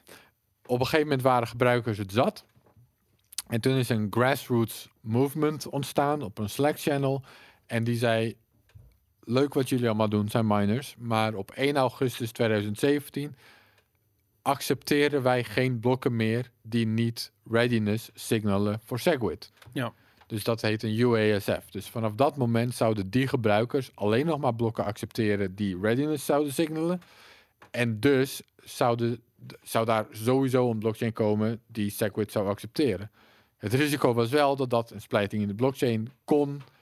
Ehm, En heeft. nee, dat is uiteindelijk niet gebeurd omdat miners dus een week van tevoren eigenlijk hebben gecapituleerd. Bcash is toch een... eh, Nee, dat is nog iets eerder. De- dat, dat staat er een beetje los van. Oké. misschien niet helemaal, daar kunnen we het over hebben. Oké, Maar nou, laat- sorry, ik ga, ga door. nee, de, de, eh, eh, ehm, gebruikers zeiden... Wij gaan sowieso alleen nog maar Segwit signalende blokken accepteren. En toen hebben miners vlak daarvoor eigenlijk gezegd... Oké, wij willen geen splijting in de blockchain. Hier, hier hebben jullie jullie signalende blokken. Ja. We hebben Segwit. Dus dat kon echt wel een beetje worden geïnterpreteerd als een overwinning voor de grassroots movement die de UASF was toen. Daarom deze pet op. Je hebt hem op, inderdaad. Ja, Ja, heel goed. daarom, Ik heb ja. net uitgelegd waarom je de pet. Ik had Ja. niet eens door. Inderdaad. Oké, nu zijn we vier jaar verder. En nu hebben we te maken met de Taproot upgrade. Wel nu. Nu Mhm. is er dus... eh, nu, is er, nu is de vraag, gebaseerd op wat er toen is gebeurd met Segwit... hoe gaan we nu deze upgrade activeren? We kunnen gewoon weer hetzelfde doen als wat een paar keer succesvol is gelukt. Namelijk een miner activated softfork. Dus in principe gewoon een beetje hetzelfde. We laten miners signalen dat ze klaar zijn. En op het moment dat 95%, nu wordt er een beetje gesproken dat 90 ook wel genoeg is. Mhm. Dus laat ik even voor het gemak 90 zeggen. Op het moment dat 90% van de blokken zo'n signal heeft, dan is dat weer een teken voor alle nodes dat iedereen klaar is. En dan een week later of twee weken later wordt Taproot geactiveerd. Vrij simpel. Is een paar keer succesvol zo gegaan. Maar er zijn andere mensen die zeggen, ja, we hebben met Segwit gezien wat dat oplevert. Mhm. Namelijk dat miners dat gaan tegenwerken en gaan misbruiken voor politieke doeleinden. Dus laten we dat nu voorkomen van tevoren al. En laten we in plaats daarvan zeggen, ze hebben een jaar de tijd. En na dat jaar, als dat jaar bijna op is, dan gaan we weer alleen, dan, dan zeggen we nu alvast, dat doen we nu al in de activatiecode, dat na dat jaar, twee weken voor het eind van het jaar, gaan we alleen nog maar blokken accepteren die readiness signalen. Ja. Dus het is eigenlijk een beetje wat toen met Segwit met BIP 148, die USF, dat gaan we nu gewoon inbouwen. En dat heet LOT is true. Dat heet LOT is true. En waar staat LOT voor? Lock-in on timeout. Ja, dat is precies dat. Twee weken voor het einde, eh, voor het einde van het verlopen van het jaar, eh, wordt er een keiharde knoop doorgehakt. Ja, wo- wordt er. Maar goed, daar komt dus wel weer het risico bij, bijvoorbeeld, dat ook dan kan de chain weer splitten als niet. Als miners dit keer niet meewerken, Ja. bijvoorbeeld. Dat zou kunnen. Want het alternatief, LOT Eh, is false, Wat betekent dat dan? Oké, dus LOT is false is in principe wat ik als eerste uitleg. Dat is dat je gewoon gaat kijken, 95, 90% zei ik, en 90% hash power is het ermee eens. Ja. Dan activeren we het. Als dat na een jaar niet is gebeurd, Mhm. dan verloopt het in feite. En dan kunnen we het nog een keer gaan proberen. En dan kunnen we het bijvoorbeeld daarna nog een keer gaan proberen met Lot is True. Dus dat Ja. eerst de miners even de kans geven. Van, nou, we doen het even peacefully. We doen Mhm. het even zonder dat er weer eh, moeilijk wordt. Hè. Doe het maar gewoon even. En als, als jullie dat na een jaar nog steeds niet hebben gedaan, nou, dan gaan we het nog een keer proberen met Lot is True bijvoorbeeld. Ja. Er is op dit moment hebben iets van 90% van de miners, als je in ieder geval als je het meet per mining pool en wat ze het publiek hebben gezegd, hebben gezegd Taproot is prima, we gaan het gewoon activeren. Ja. Dus het lijkt erop dat Lot is False de job dan krijgt. Ja. Dat dat in principe geen probleem zou moeten ontstaan. Eh, maar ja, de, eh, je geeft wel miners in ieder geval de kans om het te vertragen in de zin. Ja. Dus dat is wat Lot is True mensen niet willen. Ja. Oké, nou ja, dan zijn er dus weer argumenten tegen Lot is True. Dat is bijvoorbeeld dat het de indruk wekt dat Bitcoin Core developers de regels bepalen. Mhm. Want zij brengen software uit en vanaf dat moment is het min of meer gegarandeerd dat die upgrade er komt. Hè, dat, dat wekt de indruk dat Bitcoin Core developers bepalen wat, wat Ja. Bitcoin is. En dat ze op, uiteindelijk onder druk kunnen worden gezet om andere veranderingen te maken. Misschien veranderingen die bepaalde transacties censureren of Ja. weet ik veel. En dat soort druk willen Bitcoin Core developers helemaal niet.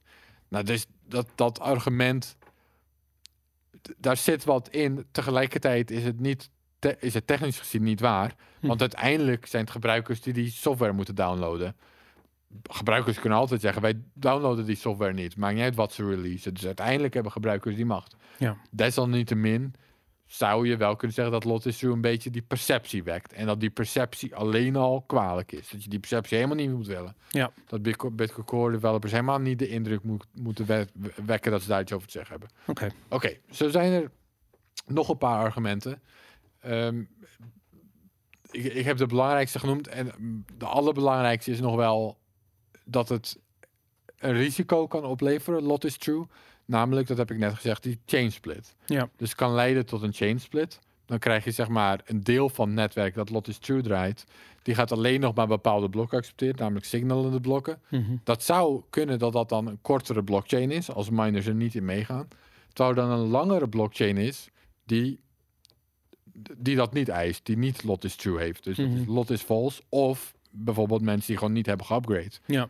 Niet over na hebben gedacht. Een of andere Koreaan in, eh, In Korea. in eh, Seoul, die eh, Mhm. zich niet echt bij, bezighoudt met het upgrade proces. Die zit opeens op die lange chain en die weet helemaal niet dat er een chain split is. Nou, dan zou het ook nog zo kunnen zijn dat die lot is true, die kortere chain, uiteindelijk toch langer wordt. Ja. Omdat steeds meer miners switchen. Mhm. Maar dan krijg je dus een heel erg ja, klote situatie, denk ik. Namelijk dat die lot is true chain opeens verdwijnt. Ja. Dus stel dat die 20 blokken lang is. Mensen hebben de transacties op ontvangen. En opeens poef is het weg. Is Ja. het geld uit je wallet weg. Nou, dat zijn situaties die we niet willen. Dus dan is de vraag, oké, hoe voorkom je dat? Ah, lot is false propo- proponents die zeggen dat voorkom je door lot is true niet te gebruiken. Ja. Lot is true proponents zeggen dat voorkom je als iedereen lot is true gebruikt. Maar, maar wacht even. Lot is True wordt door eh Luke Dash Jr. eh, heel erg gepropagandeerd. Lot is False, voornamelijk door Greg Maxwell. En ook anderen ook. Be volgens mij ook. Eh, Ja. ja, met Eigenlijk- Corello. ja, volgens mij eigenlijk bijna iedereen is voor Lot is False. De, het grootste deel van de Bitcoin Core developers in ieder geval wel, ja. Maar dan, de- dan is het toch klaar wat er gaat gebeuren. Dan gaan we toch over twee weken zien we Taproot in, hoe heet het, in, in Bitcoin Core geïntegreerd zien. Die gaat binnen twee weken daarna geactiveerd worden. Want nu is 96% van alle miners signalen al dat ze dat gaan doen. Nou, wacht even. Dat ga ik dus uitleggen wat ik... Oh. Of praat eerst uit en Nou ja, dat, dat, dus ik heb zoiets van ja, deze hele discussie is heel fundamenteel over wat de rol van Bitcoin developers is. Maar als gebruiker heb ik zoiets van het enige wat mij kan schelen is dat Taproot zo snel mogelijk geactiveerd wordt. En dat gaat overduidelijk snel gebeuren, waarschijnlijk, want iedereen is voor en het, en het werk is gedaan. Dus ehm, Oké, hier is het ding. En dit, dit is waar ik uiteindelijk naartoe ging. ja, je noemde Luke Dasher al. En er zijn dus lot is, mensen die zeggen lot is true is een beter idee. Ja. Nou, een klein groepje daarvan, die heeft nu bedacht... Jongens, wat Bitcoin Core ook doet, we hebben, lang genoeg we hebben het er lang genoeg over gehad. En ehm, wij gaan... Oké, wacht. Eén stap terug. Bitcoin Core. Wat doet Bitcoin Core? Jij zegt het is simpel, over twee weken gaan ze Lotus Falls doen, want de meeste Mhm. Bitcoin Core developers zijn het erover eens. Maar het is, eh, Bitcoin Core developers die, zijn, die willen alleen code implementeren waarvan ze het idee hebben dat het breed gedragen is en Ja, dat er ik. consensus voor is. Ja. Dus dat gaat bijvoorbeeld om Taproot zelf, Mhm. maar dat gaat ook om de activatiecode van Taproot Begrijp zelf. Want dat is in ja. feite ook een consensusregel. Hoe activeer je het? Ja, maar Dus consensus is toch niet dat je iedereen blij moet maken? Het is toch gewoon dat je het moet proberen het met elkaar eens te worden? Het, het- ze hebben het over rough consensus. Dus inderdaad, er moet een, een tegenargument moet wel sens maken. Eh, je kunt nog wat praktische dingen van ja, als je een tegenargument hebt, waar is je code dan? En als het er Ja. niet is, ja, dan gaan we gewoon voor de code die er wel is. Ja. En dat soort dingen. Dus het is rough consensus. Maar ze willen in ieder geval wel rough consensus, op zijn minst. Oké. En je zou kunnen zeggen dat dat op nu, op dit moment er ook niet echt is. Want er zijn op zich argumenten voor lot is true. En ook wel wat mensen die dat echt een beter idee vinden. Waarvan Luke Dasher het meest obvious voorbeeld is. Ja. Dus dan zou het kunnen, gezien deze situatie die we nu zien. Dat Bitcoin Core mergers, Mhm. maintainers, dat die nu even zeggen, nou, nu maar even niks en kom er eerst maar even uit van wat nou Ja. het beste idee is. En misschien komt iemand nog met een nieuw idee en dat gebeurt ook wel, met aflopende hash power requirements en dat soort dingen. oké. Oké, dus Bitcoin Core zit nog echt een beetje in het proces van consensus vinden. Een paar mensen, hun geduld is nu op. Ze Mhm. zeggen, ja, we hebben het er lang genoeg over gehad en wij geloven niet dat Bitcoin Core eruit gaat komen. Dus wij gaan nu een Lot is True client releasen. Dat is Luke Dasher. Luke Dasher met name. Hij heeft ja. dat al gezegd dat hij dat ging doen. Hij ging Ja, het ze sowieso zijn, al doen. ze zijn nu echt mee bezig. Oké. Oké, dat betekent dus, de details zijn nog niet bekend, maar dat zou betekenen, als deze client terecht komt, dat op een gegeven moment gaan zij inderdaad, die software in ieder geval, zou die blokken gaan. Ja. Zou dan alle, ja, het is een beetje ingewikkeld, omdat Maar wat ga- zou jij als jij eh jouw eigen node moet Oké. upgraden, welke software ga je draaien? Op dit moment Bitcoin Core.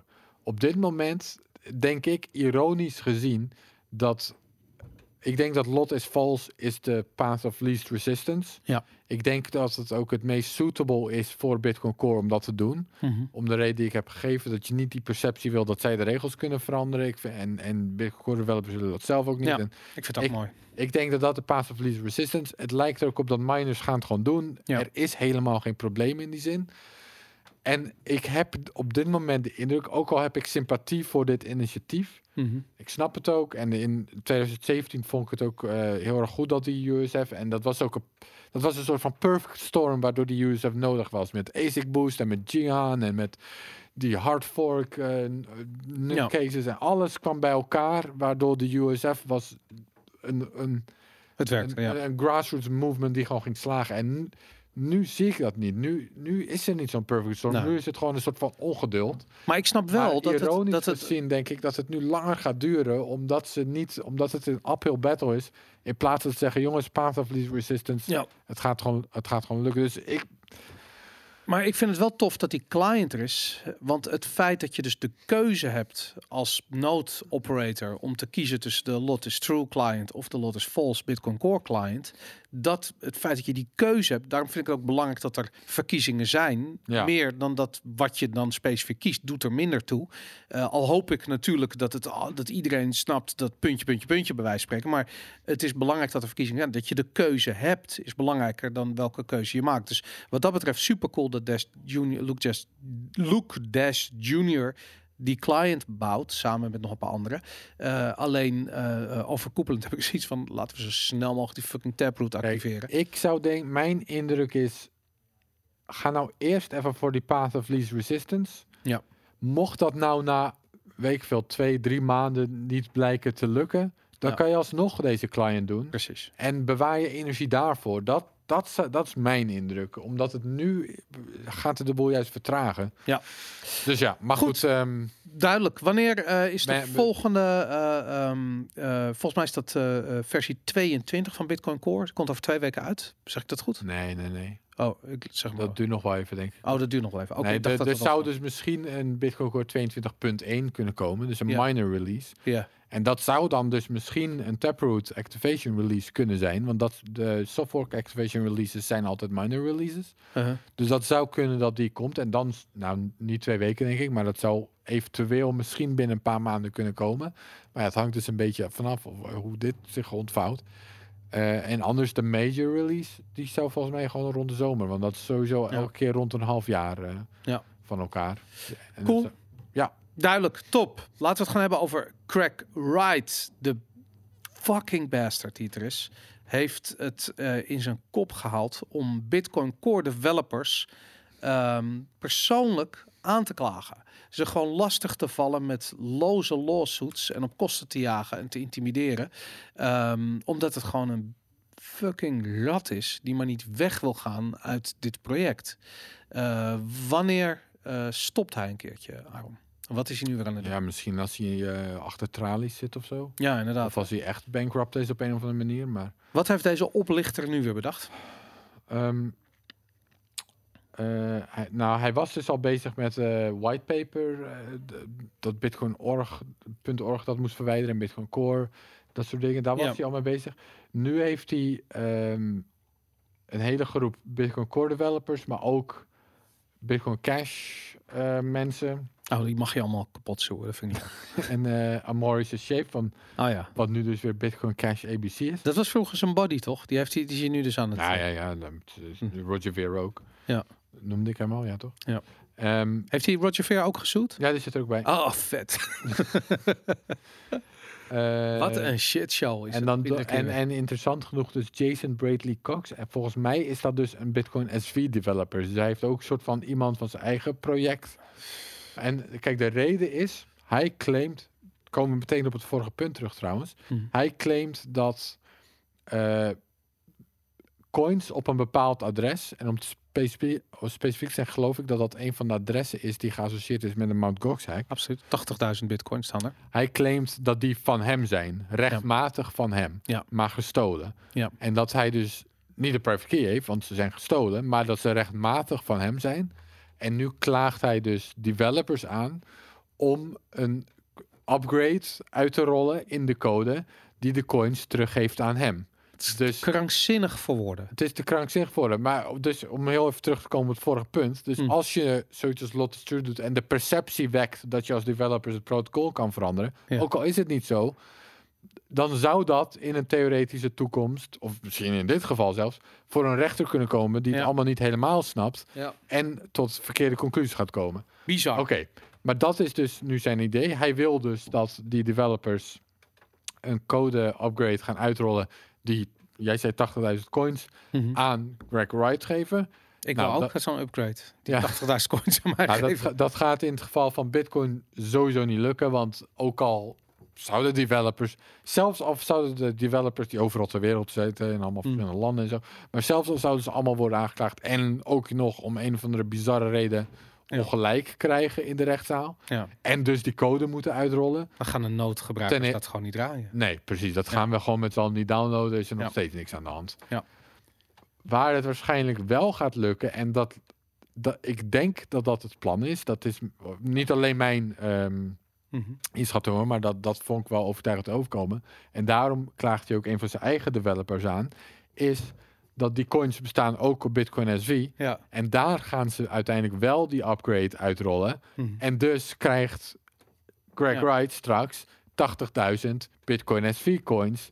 Die toch, weet ik veel wat waard Die zijn. toch wat waard zijn. Ja. Want zijn eigen cult die geeft er nog wel wat van waarde aan. En die zullen dit waarschijnlijk ook nog weer accepteren. Ook. Jezus, dit gaat gewoon over shitcoins. Dus, dus uh, waarschijnlijk is dit een beetje het idee. En dan, het gaat dan waarschijnlijk ook alleen lukken op zijn eigen shitcoin. Maar goed, dat is toch een lekker... eh wat ontzettend bedoel, reken uit hoeveel een, een bitcoin SV waard is. Ik Eh, wil het niet eens uitrekenen. toch een paar dollar waarschijnlijk. En dat keer 80.000. We, weet jij veel hoeveel je eruit trekt. Ja. Maar dat lijkt een beetje het plan te zijn. Bizar. En nou is er een eh, Nou. BTC Danny, Danny Brewster, die klaagt Greg Wright weer aan. Ja, de, dat is dus die gast die... ehm Bcasher geloof ik inmiddels. Maar dat is dus die gast die van het be- befaamde eh, de harddisk op de vuilnisbelt verhaal. Oh, oké. ja, dat, ja. is, dat is Danny Brewster. Wat grappig. Oké. Die, die is zich er dus mee aan het bemoeien. En die gaat, die heeft nu Greg Wright weer aangeklaagd.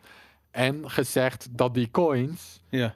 die gestolen zijn van Mt. Gox in feite van Danny Brewster zijn. Of in ieder geval voor een groot deel. Omdat hij dus zijn coins op Mt. Gox had staan. Ja, ja. En dat Greg Wright zichzelf dan nu heeft Lachen. ontmaskerd als de Mt. Gox hacker. Het kan dat ik de details een beetje verkeerd, want ik hou me ook weer niet zoveel bezig met Bitcoin SV, maar Mhm. zo begreep ik het ongeveer. Dus Danny Brewster is nu weer Greg Wright aan het countersuwen Ja. met als doel uiteindelijk waarschijnlijk dat Greg Wright moet toegeven dat die coins helemaal niet van hem zijn. Ja, maar dat is weer dus weer een legal mess aan het worden, maar wel wel een ge- geinig. Ik heb zo'n idee dat Craig Wright op een gegeven moment eh, eh, echt zonder ook nog maar iets eindigt onder een brug schreeuwend aan de drank. Want dit is de irrationaliteit die je verwacht van iemand die op het punt staat alles kwijt te raken. Zo, zo, zo voelt dit gewoon. Hij is om zich heen aan het Ja, het is natuurlijk heel interessant hoe dat nou zit met eh Calvin Air. Want dat is, dat is zeg maar zijn sugar daddy, lijkt het op. Ja. Die betaalt heel veel van dit soort fratsen. En het is, het lijkt, het lijkt er heel sterk op dat het gewoon allemaal één grote scam is die ze samen zitten uitvogelen. Ja. Maar het zou ook, er, het is niet helemaal uitsluiten dat hij gewoon zelf echt dat gelooft. Hè? Dat, dat die Air zelf in die cult Je- zit en echt denkt dat dit soort van Satoshi is of zo. Je, je weet mijn theorie erover. Ik, ik denk dat er namelijk wel degelijk eh, ja. een rol is voor die, voor die 1 miljoen bitcoin van Satoshi. Daar waar eh, ze een disk van hebben, maar geen keys van hebben. En dat eh, dat zijn hele claim, of eigenlijk dat hele rare verhaal onderbouwt. Dat hij zegt dat hij Satoshi is, wat helemaal nergens op slaat. Niemand gelooft het. Eh, maar waarom zegt hij dat? Omdat als het zou lukken om die harddisk te brute forcen, dan moet hij wel vertellen hoe die aan die coins komt. En dit verhaal zou dat verhaal zou dat zou die claim staven. Eh, maar goed, weet je, het, eh, Craig Wright is met vraagtekens omhuld. Het is een rare eh quibus. En hij gaat ik, maar ik niet. denk dat het gewoon een fraudeur is. Van zijn moeder zelfs ook wel zoiets. dat is, dat, hij is die absoluut. Ja. Gewoon een leugenaar Hij is een en dief een, en en een artist. En, Ja. en dan gaat het... Het lijkt een van die dingen te zijn van... Je begint met een klein leugentje ergens. En ja. op een gegeven moment om dat weer te cover-uppen... moet je met een iets grotere leugen. En uiteindelijk escaleert dat tot het totale circus... wat we, wat Shit we zien en hebben gezien. Nou, interessant. We volgen het op de voet.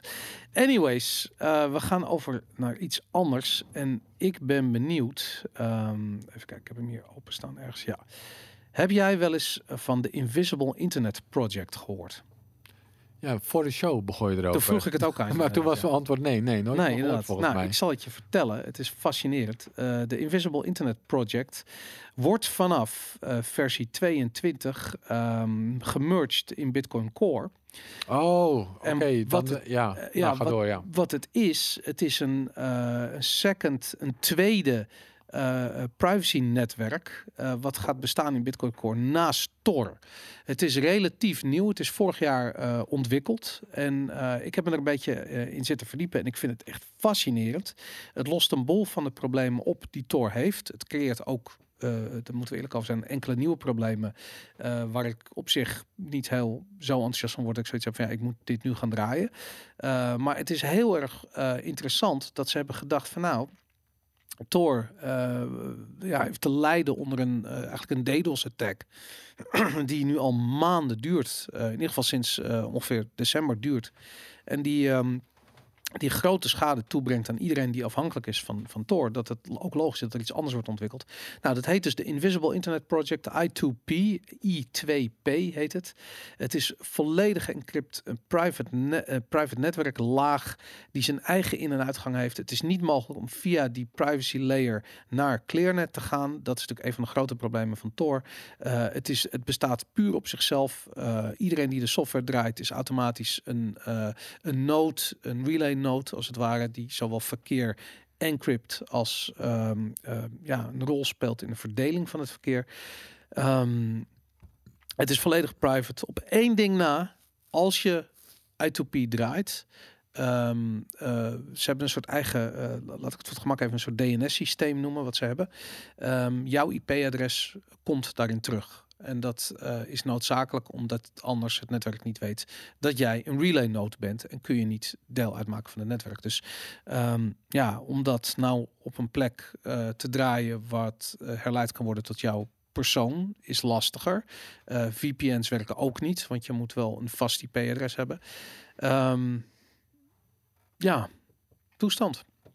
Maar ja, ik, eh, ik had wel van gehoord, maar ik heb er nooit in verdiept. Maar dit is eh, in Bitcoin Core gemerged. Dus, Ja. dus je kan nu via Bitcoin Core, of straks via Bitcoin Core gebruiken. Ja, dat is mooi. Dat is ik. dat- Lijkt me. Ja, dat is ook heel erg interessant voor. eh, ehm, laat ik zo zeggen, Tor is ontzettend belangrijk. In China bijvoorbeeld, maar ook in Noord-Korea en in Venezuela. En al die landen waar je eigenlijk niet helemaal op de radar van de overheid wil komen te staan.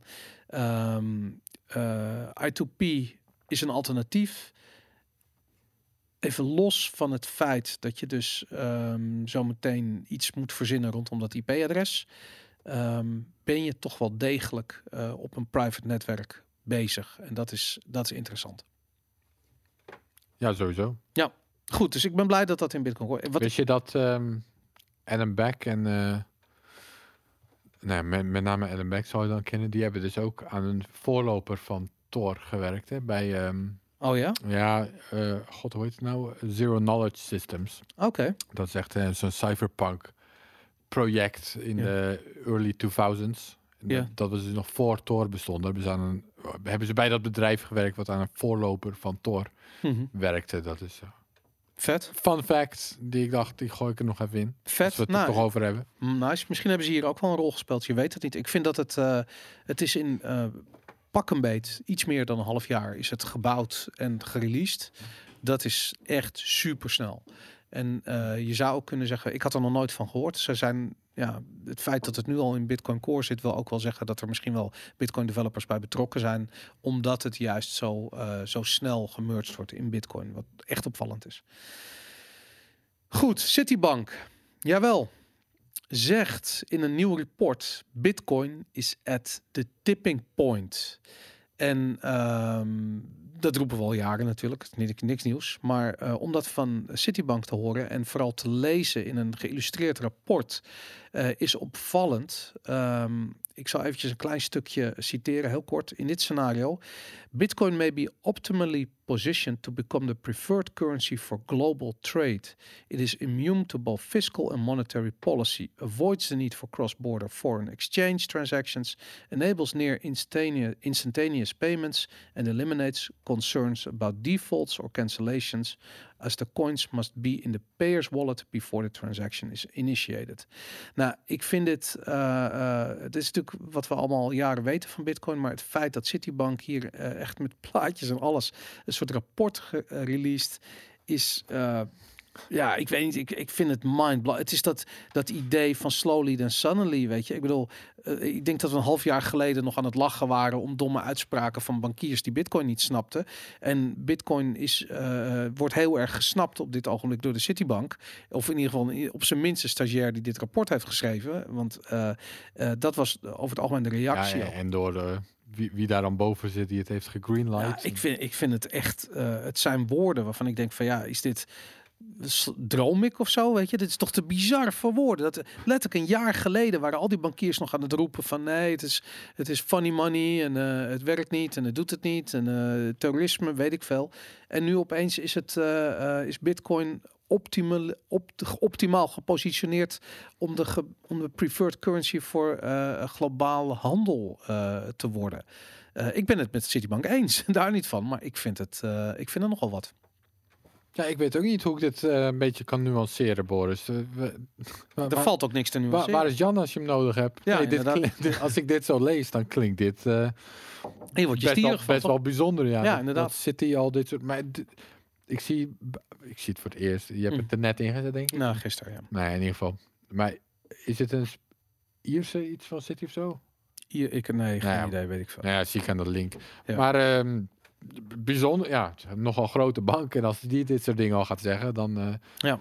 Nou, moet, moet je wel, wordt het wel lastig om nog te ontkennen dat Bitcoin een interessant fenomeen is. Nou, we hebben eigenlijk alle grote banken al gehoord over Bitcoin. En eh, het, er lijkt wel een soort van vibe te ontstaan, waarbij ze elkaar ook een beetje moeten overschreeuwen over hoe eh, veel potentie Bitcoin heeft. Want als je kijkt naar de eerste rapporten, die waren nog heel erg een beetje gebaseerd op het stock-to-flow model, investering. Bitcoin is digitale goud, bladibla, dat soort shit. Eh, eh, Citibank gaat hier gewoon een heel stuk verder door te zeggen van het is de preferred currency. En wij zitten nog met z'n allen, ik bedoel ik niet, maar, maar, maar de, de samenleving zit nog heel erg op dat digitale goudnarratief. En ik denk dat iedereen een beetje, ook alle bitcoins hebben met elkaar afgesproken van nou, laten we niet te snel gaan roepen dat bitcoin een currency is, want dat is nog een beetje vroeg voor, daar zijn ze allemaal nog niet aan toe. Laten we ze maar eerst even wennen aan dat idee dat het digitaal goud is. En Citibank die komt hier eventjes links langs binnen door en die begint te gillen dat het, dat het optimaal gepositioneerd is als currency voor, voor global trade. Preferred currency for global trade. Ja. Ja, inderdaad. Hey, maar goed, ik ben het met ze eens. Eh, ehm, als jij zelf dit hoort en denkt, je zit nog in de Bitcoin is digitaal goud narratief, dan ja, prima. Dan ben je vroeg genoeg, weet je. Maar dit is echt, dit, dit is de, de fase die Bitcoin hierna ingaat. En dat, eh, daar hebben we het al meerdere keren over gehad. En dat is, ehm, eh, dat is natuurlijk iets wat ook gezegd wordt. Alleen wat ik een beetje heb met die fases, je moet een fase wel eerst helemaal doormaken, wil je naar de volgende kunnen. Als je nu gaat roepen dat Bitcoin, eh, weet ik veel, geopolitieke eh, impact gaat hebben, omdat het de preferred currency voor global trade gaat zijn, dan uh, daar ben ik het helemaal mee eens. En die fase die gaan we in, maar het is rijkelijk vroeg voor de Citibank. Even, die had Ja, nog even tussen. Kan iedereen even nog heel even chillen? Ik bedoel, het is, eh, we zijn al stieren genoeg hier. Het is al lastig. Dus dat, eh, ja, ik weet het niet, man. Ik, ik vond het ook interessant. Heel veel reacties erop op Twitter. Vooral van eh, eh, mensen uit de finance-wereld die allemaal zoiets hadden van... eh, sorry, maar welke stagiair heeft dit per ongeluk verspreid? Dit, want dit, dit klinkt eerder iets voor... eh, ja, we- iemand die gewoon net nieuw is. En die, want over het algemeen, banken, en zeker Citibank, zegt dit soort dingen niet zomaar. Dat is nogal wat. Weet je, ik wil, er is een soort, ze spreken met z'n allen af wat central bank digital currencies gaan doen, bladibla.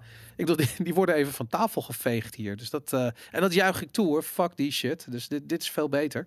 Dus ehm, ja, topper Citibank, dat doen jullie goed. Bazig.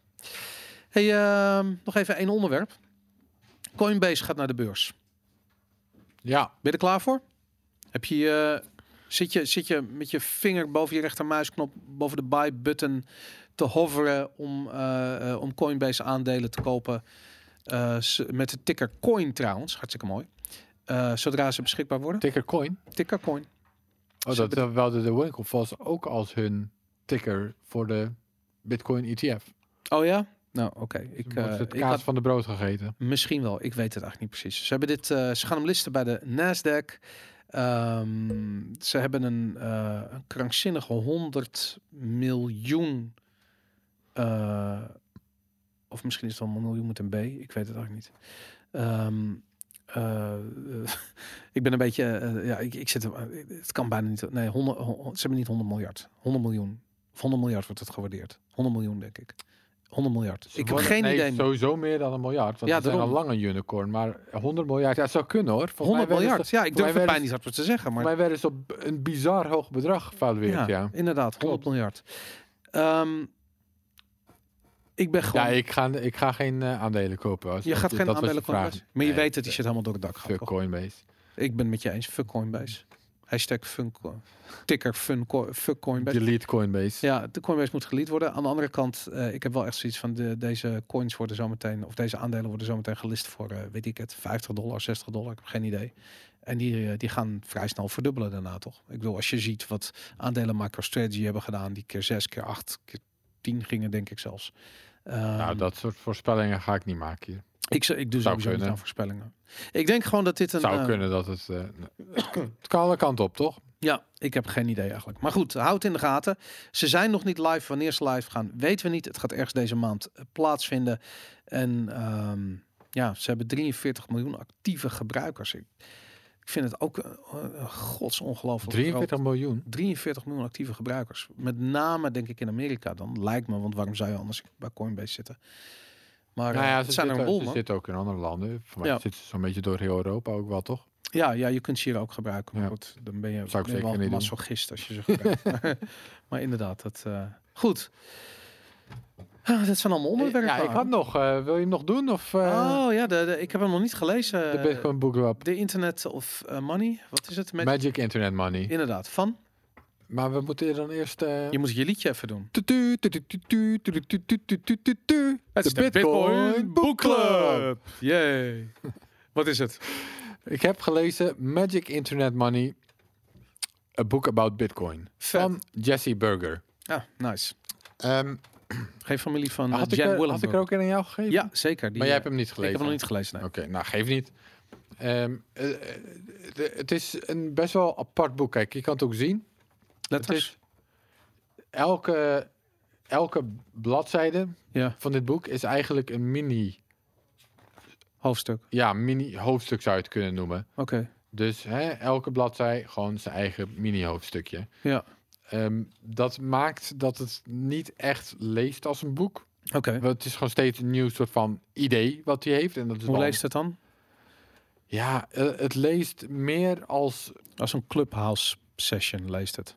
Nou ja, kijk, je, je- je- of als, eh, ehm, hoe heet het, eh, crypto bitcoin eh, Twitter of zo, weet je wel. Van, alleen dan iets langer dan een tweet. Oké. Maar het is gewoon zo van, nou, hier is een idee. En dat schrijft hij een beetje op. En dan hier is een idee. Van, nou, wat bitcoin? Best wel leuk. Hij heeft een boel ideeën bij elkaar verzameld.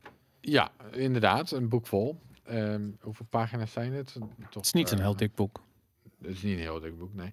Nou ja, dus maar waarschijnlijk eh, iets van 100 of zo, denk ik. Is het nieuw? Nee, toch? Mm, het is niet. Het is relatief nieuw, denk ik. De afgelopen jaren, jaar. In ieder geval afgelopen twee jaar. Ja. Oh, 2020 copyright. Oké, vooruit. Dus ja. eh, dat is gewoon nieuw. Ja. Ehm, ja, eh, oké. nou, maar dat is een beetje... Oh ja, en elke, elke bladzijde heeft ook zeggen quote. Dus hij heeft bij elk idee ook nog een soort van quote gevonden. ja, ik hou van quotes. Ehm, oordeel. Ja, het is dus heel moeilijk om er verder iets over te zeggen, omdat het Nee, je hebt het gelezen. Dat lijkt me juist heel makkelijk dan. Nee, maar het is dus niet alsof een soort van een verhaal en dat ik daar nu Is het goed? Werd je, werd stierig het allemaal losse Werd je ideeën. stierig? Eh, nee, niet heel erg. Oké. Ehm, waar, waar het nieuwe ding... Ben je geconfronteerd met nieuwe nieuwigheden? Nieuwe nee, inzichten? nee, ik moet wel ook eerlijk zeggen dat ik hem niet van kaf tot kaf heb gelezen, omdat ik op een gegeven moment dacht van ja, oké, dit wat ik nu allemaal lees, Ken ik wel. ben ik allemaal wel tegengekomen op crypto Twitter, zeg maar. Dat, Ja. dat is niet per se dat het mij nu heel erg aan het denken zet. Mhm. Ehm, en, en het is dus ook niet alsof het een heel interessant narratief is. Ik zou zeggen, het, het leest ook een beetje als een dagboekachtig iets of zo. En dat, misschien dat... Kijk, als je nou iemand bent en je houdt helemaal niet van een boek lezen... Mhm. maar je wil gewoon even elke dag een ideetje over bitcoin lezen... dan... Dus het klinkt als een scheurkalender. Dat is nou een uitstekend... Ja, had een scheur- scheurkalender moeten doen. Is er al een bitcoin scheurkalender voor op de wc? Dat, dat is een perfecte analogie. Het, is het, is- leest meer als een scheurkalender. Dit zou een scheurkalender moeten zijn. Je zou elke dag... En dan Het je- kan. Je kunt het gewoon ophangen in de En wc en elke dag een bladzijde En je zit uitscheuren. even te poepen en tijdens het poepen lees, lees je even één bladzijde. Ja. Dat, zou, dat, dat is wat dit zou moeten zijn, inderdaad. Ongelooflijk. Ja. Maar echt als boek zou ik zeggen, ja, ik vind niet echt een boekboek eh, in ieder Het is geen geval. boekboek.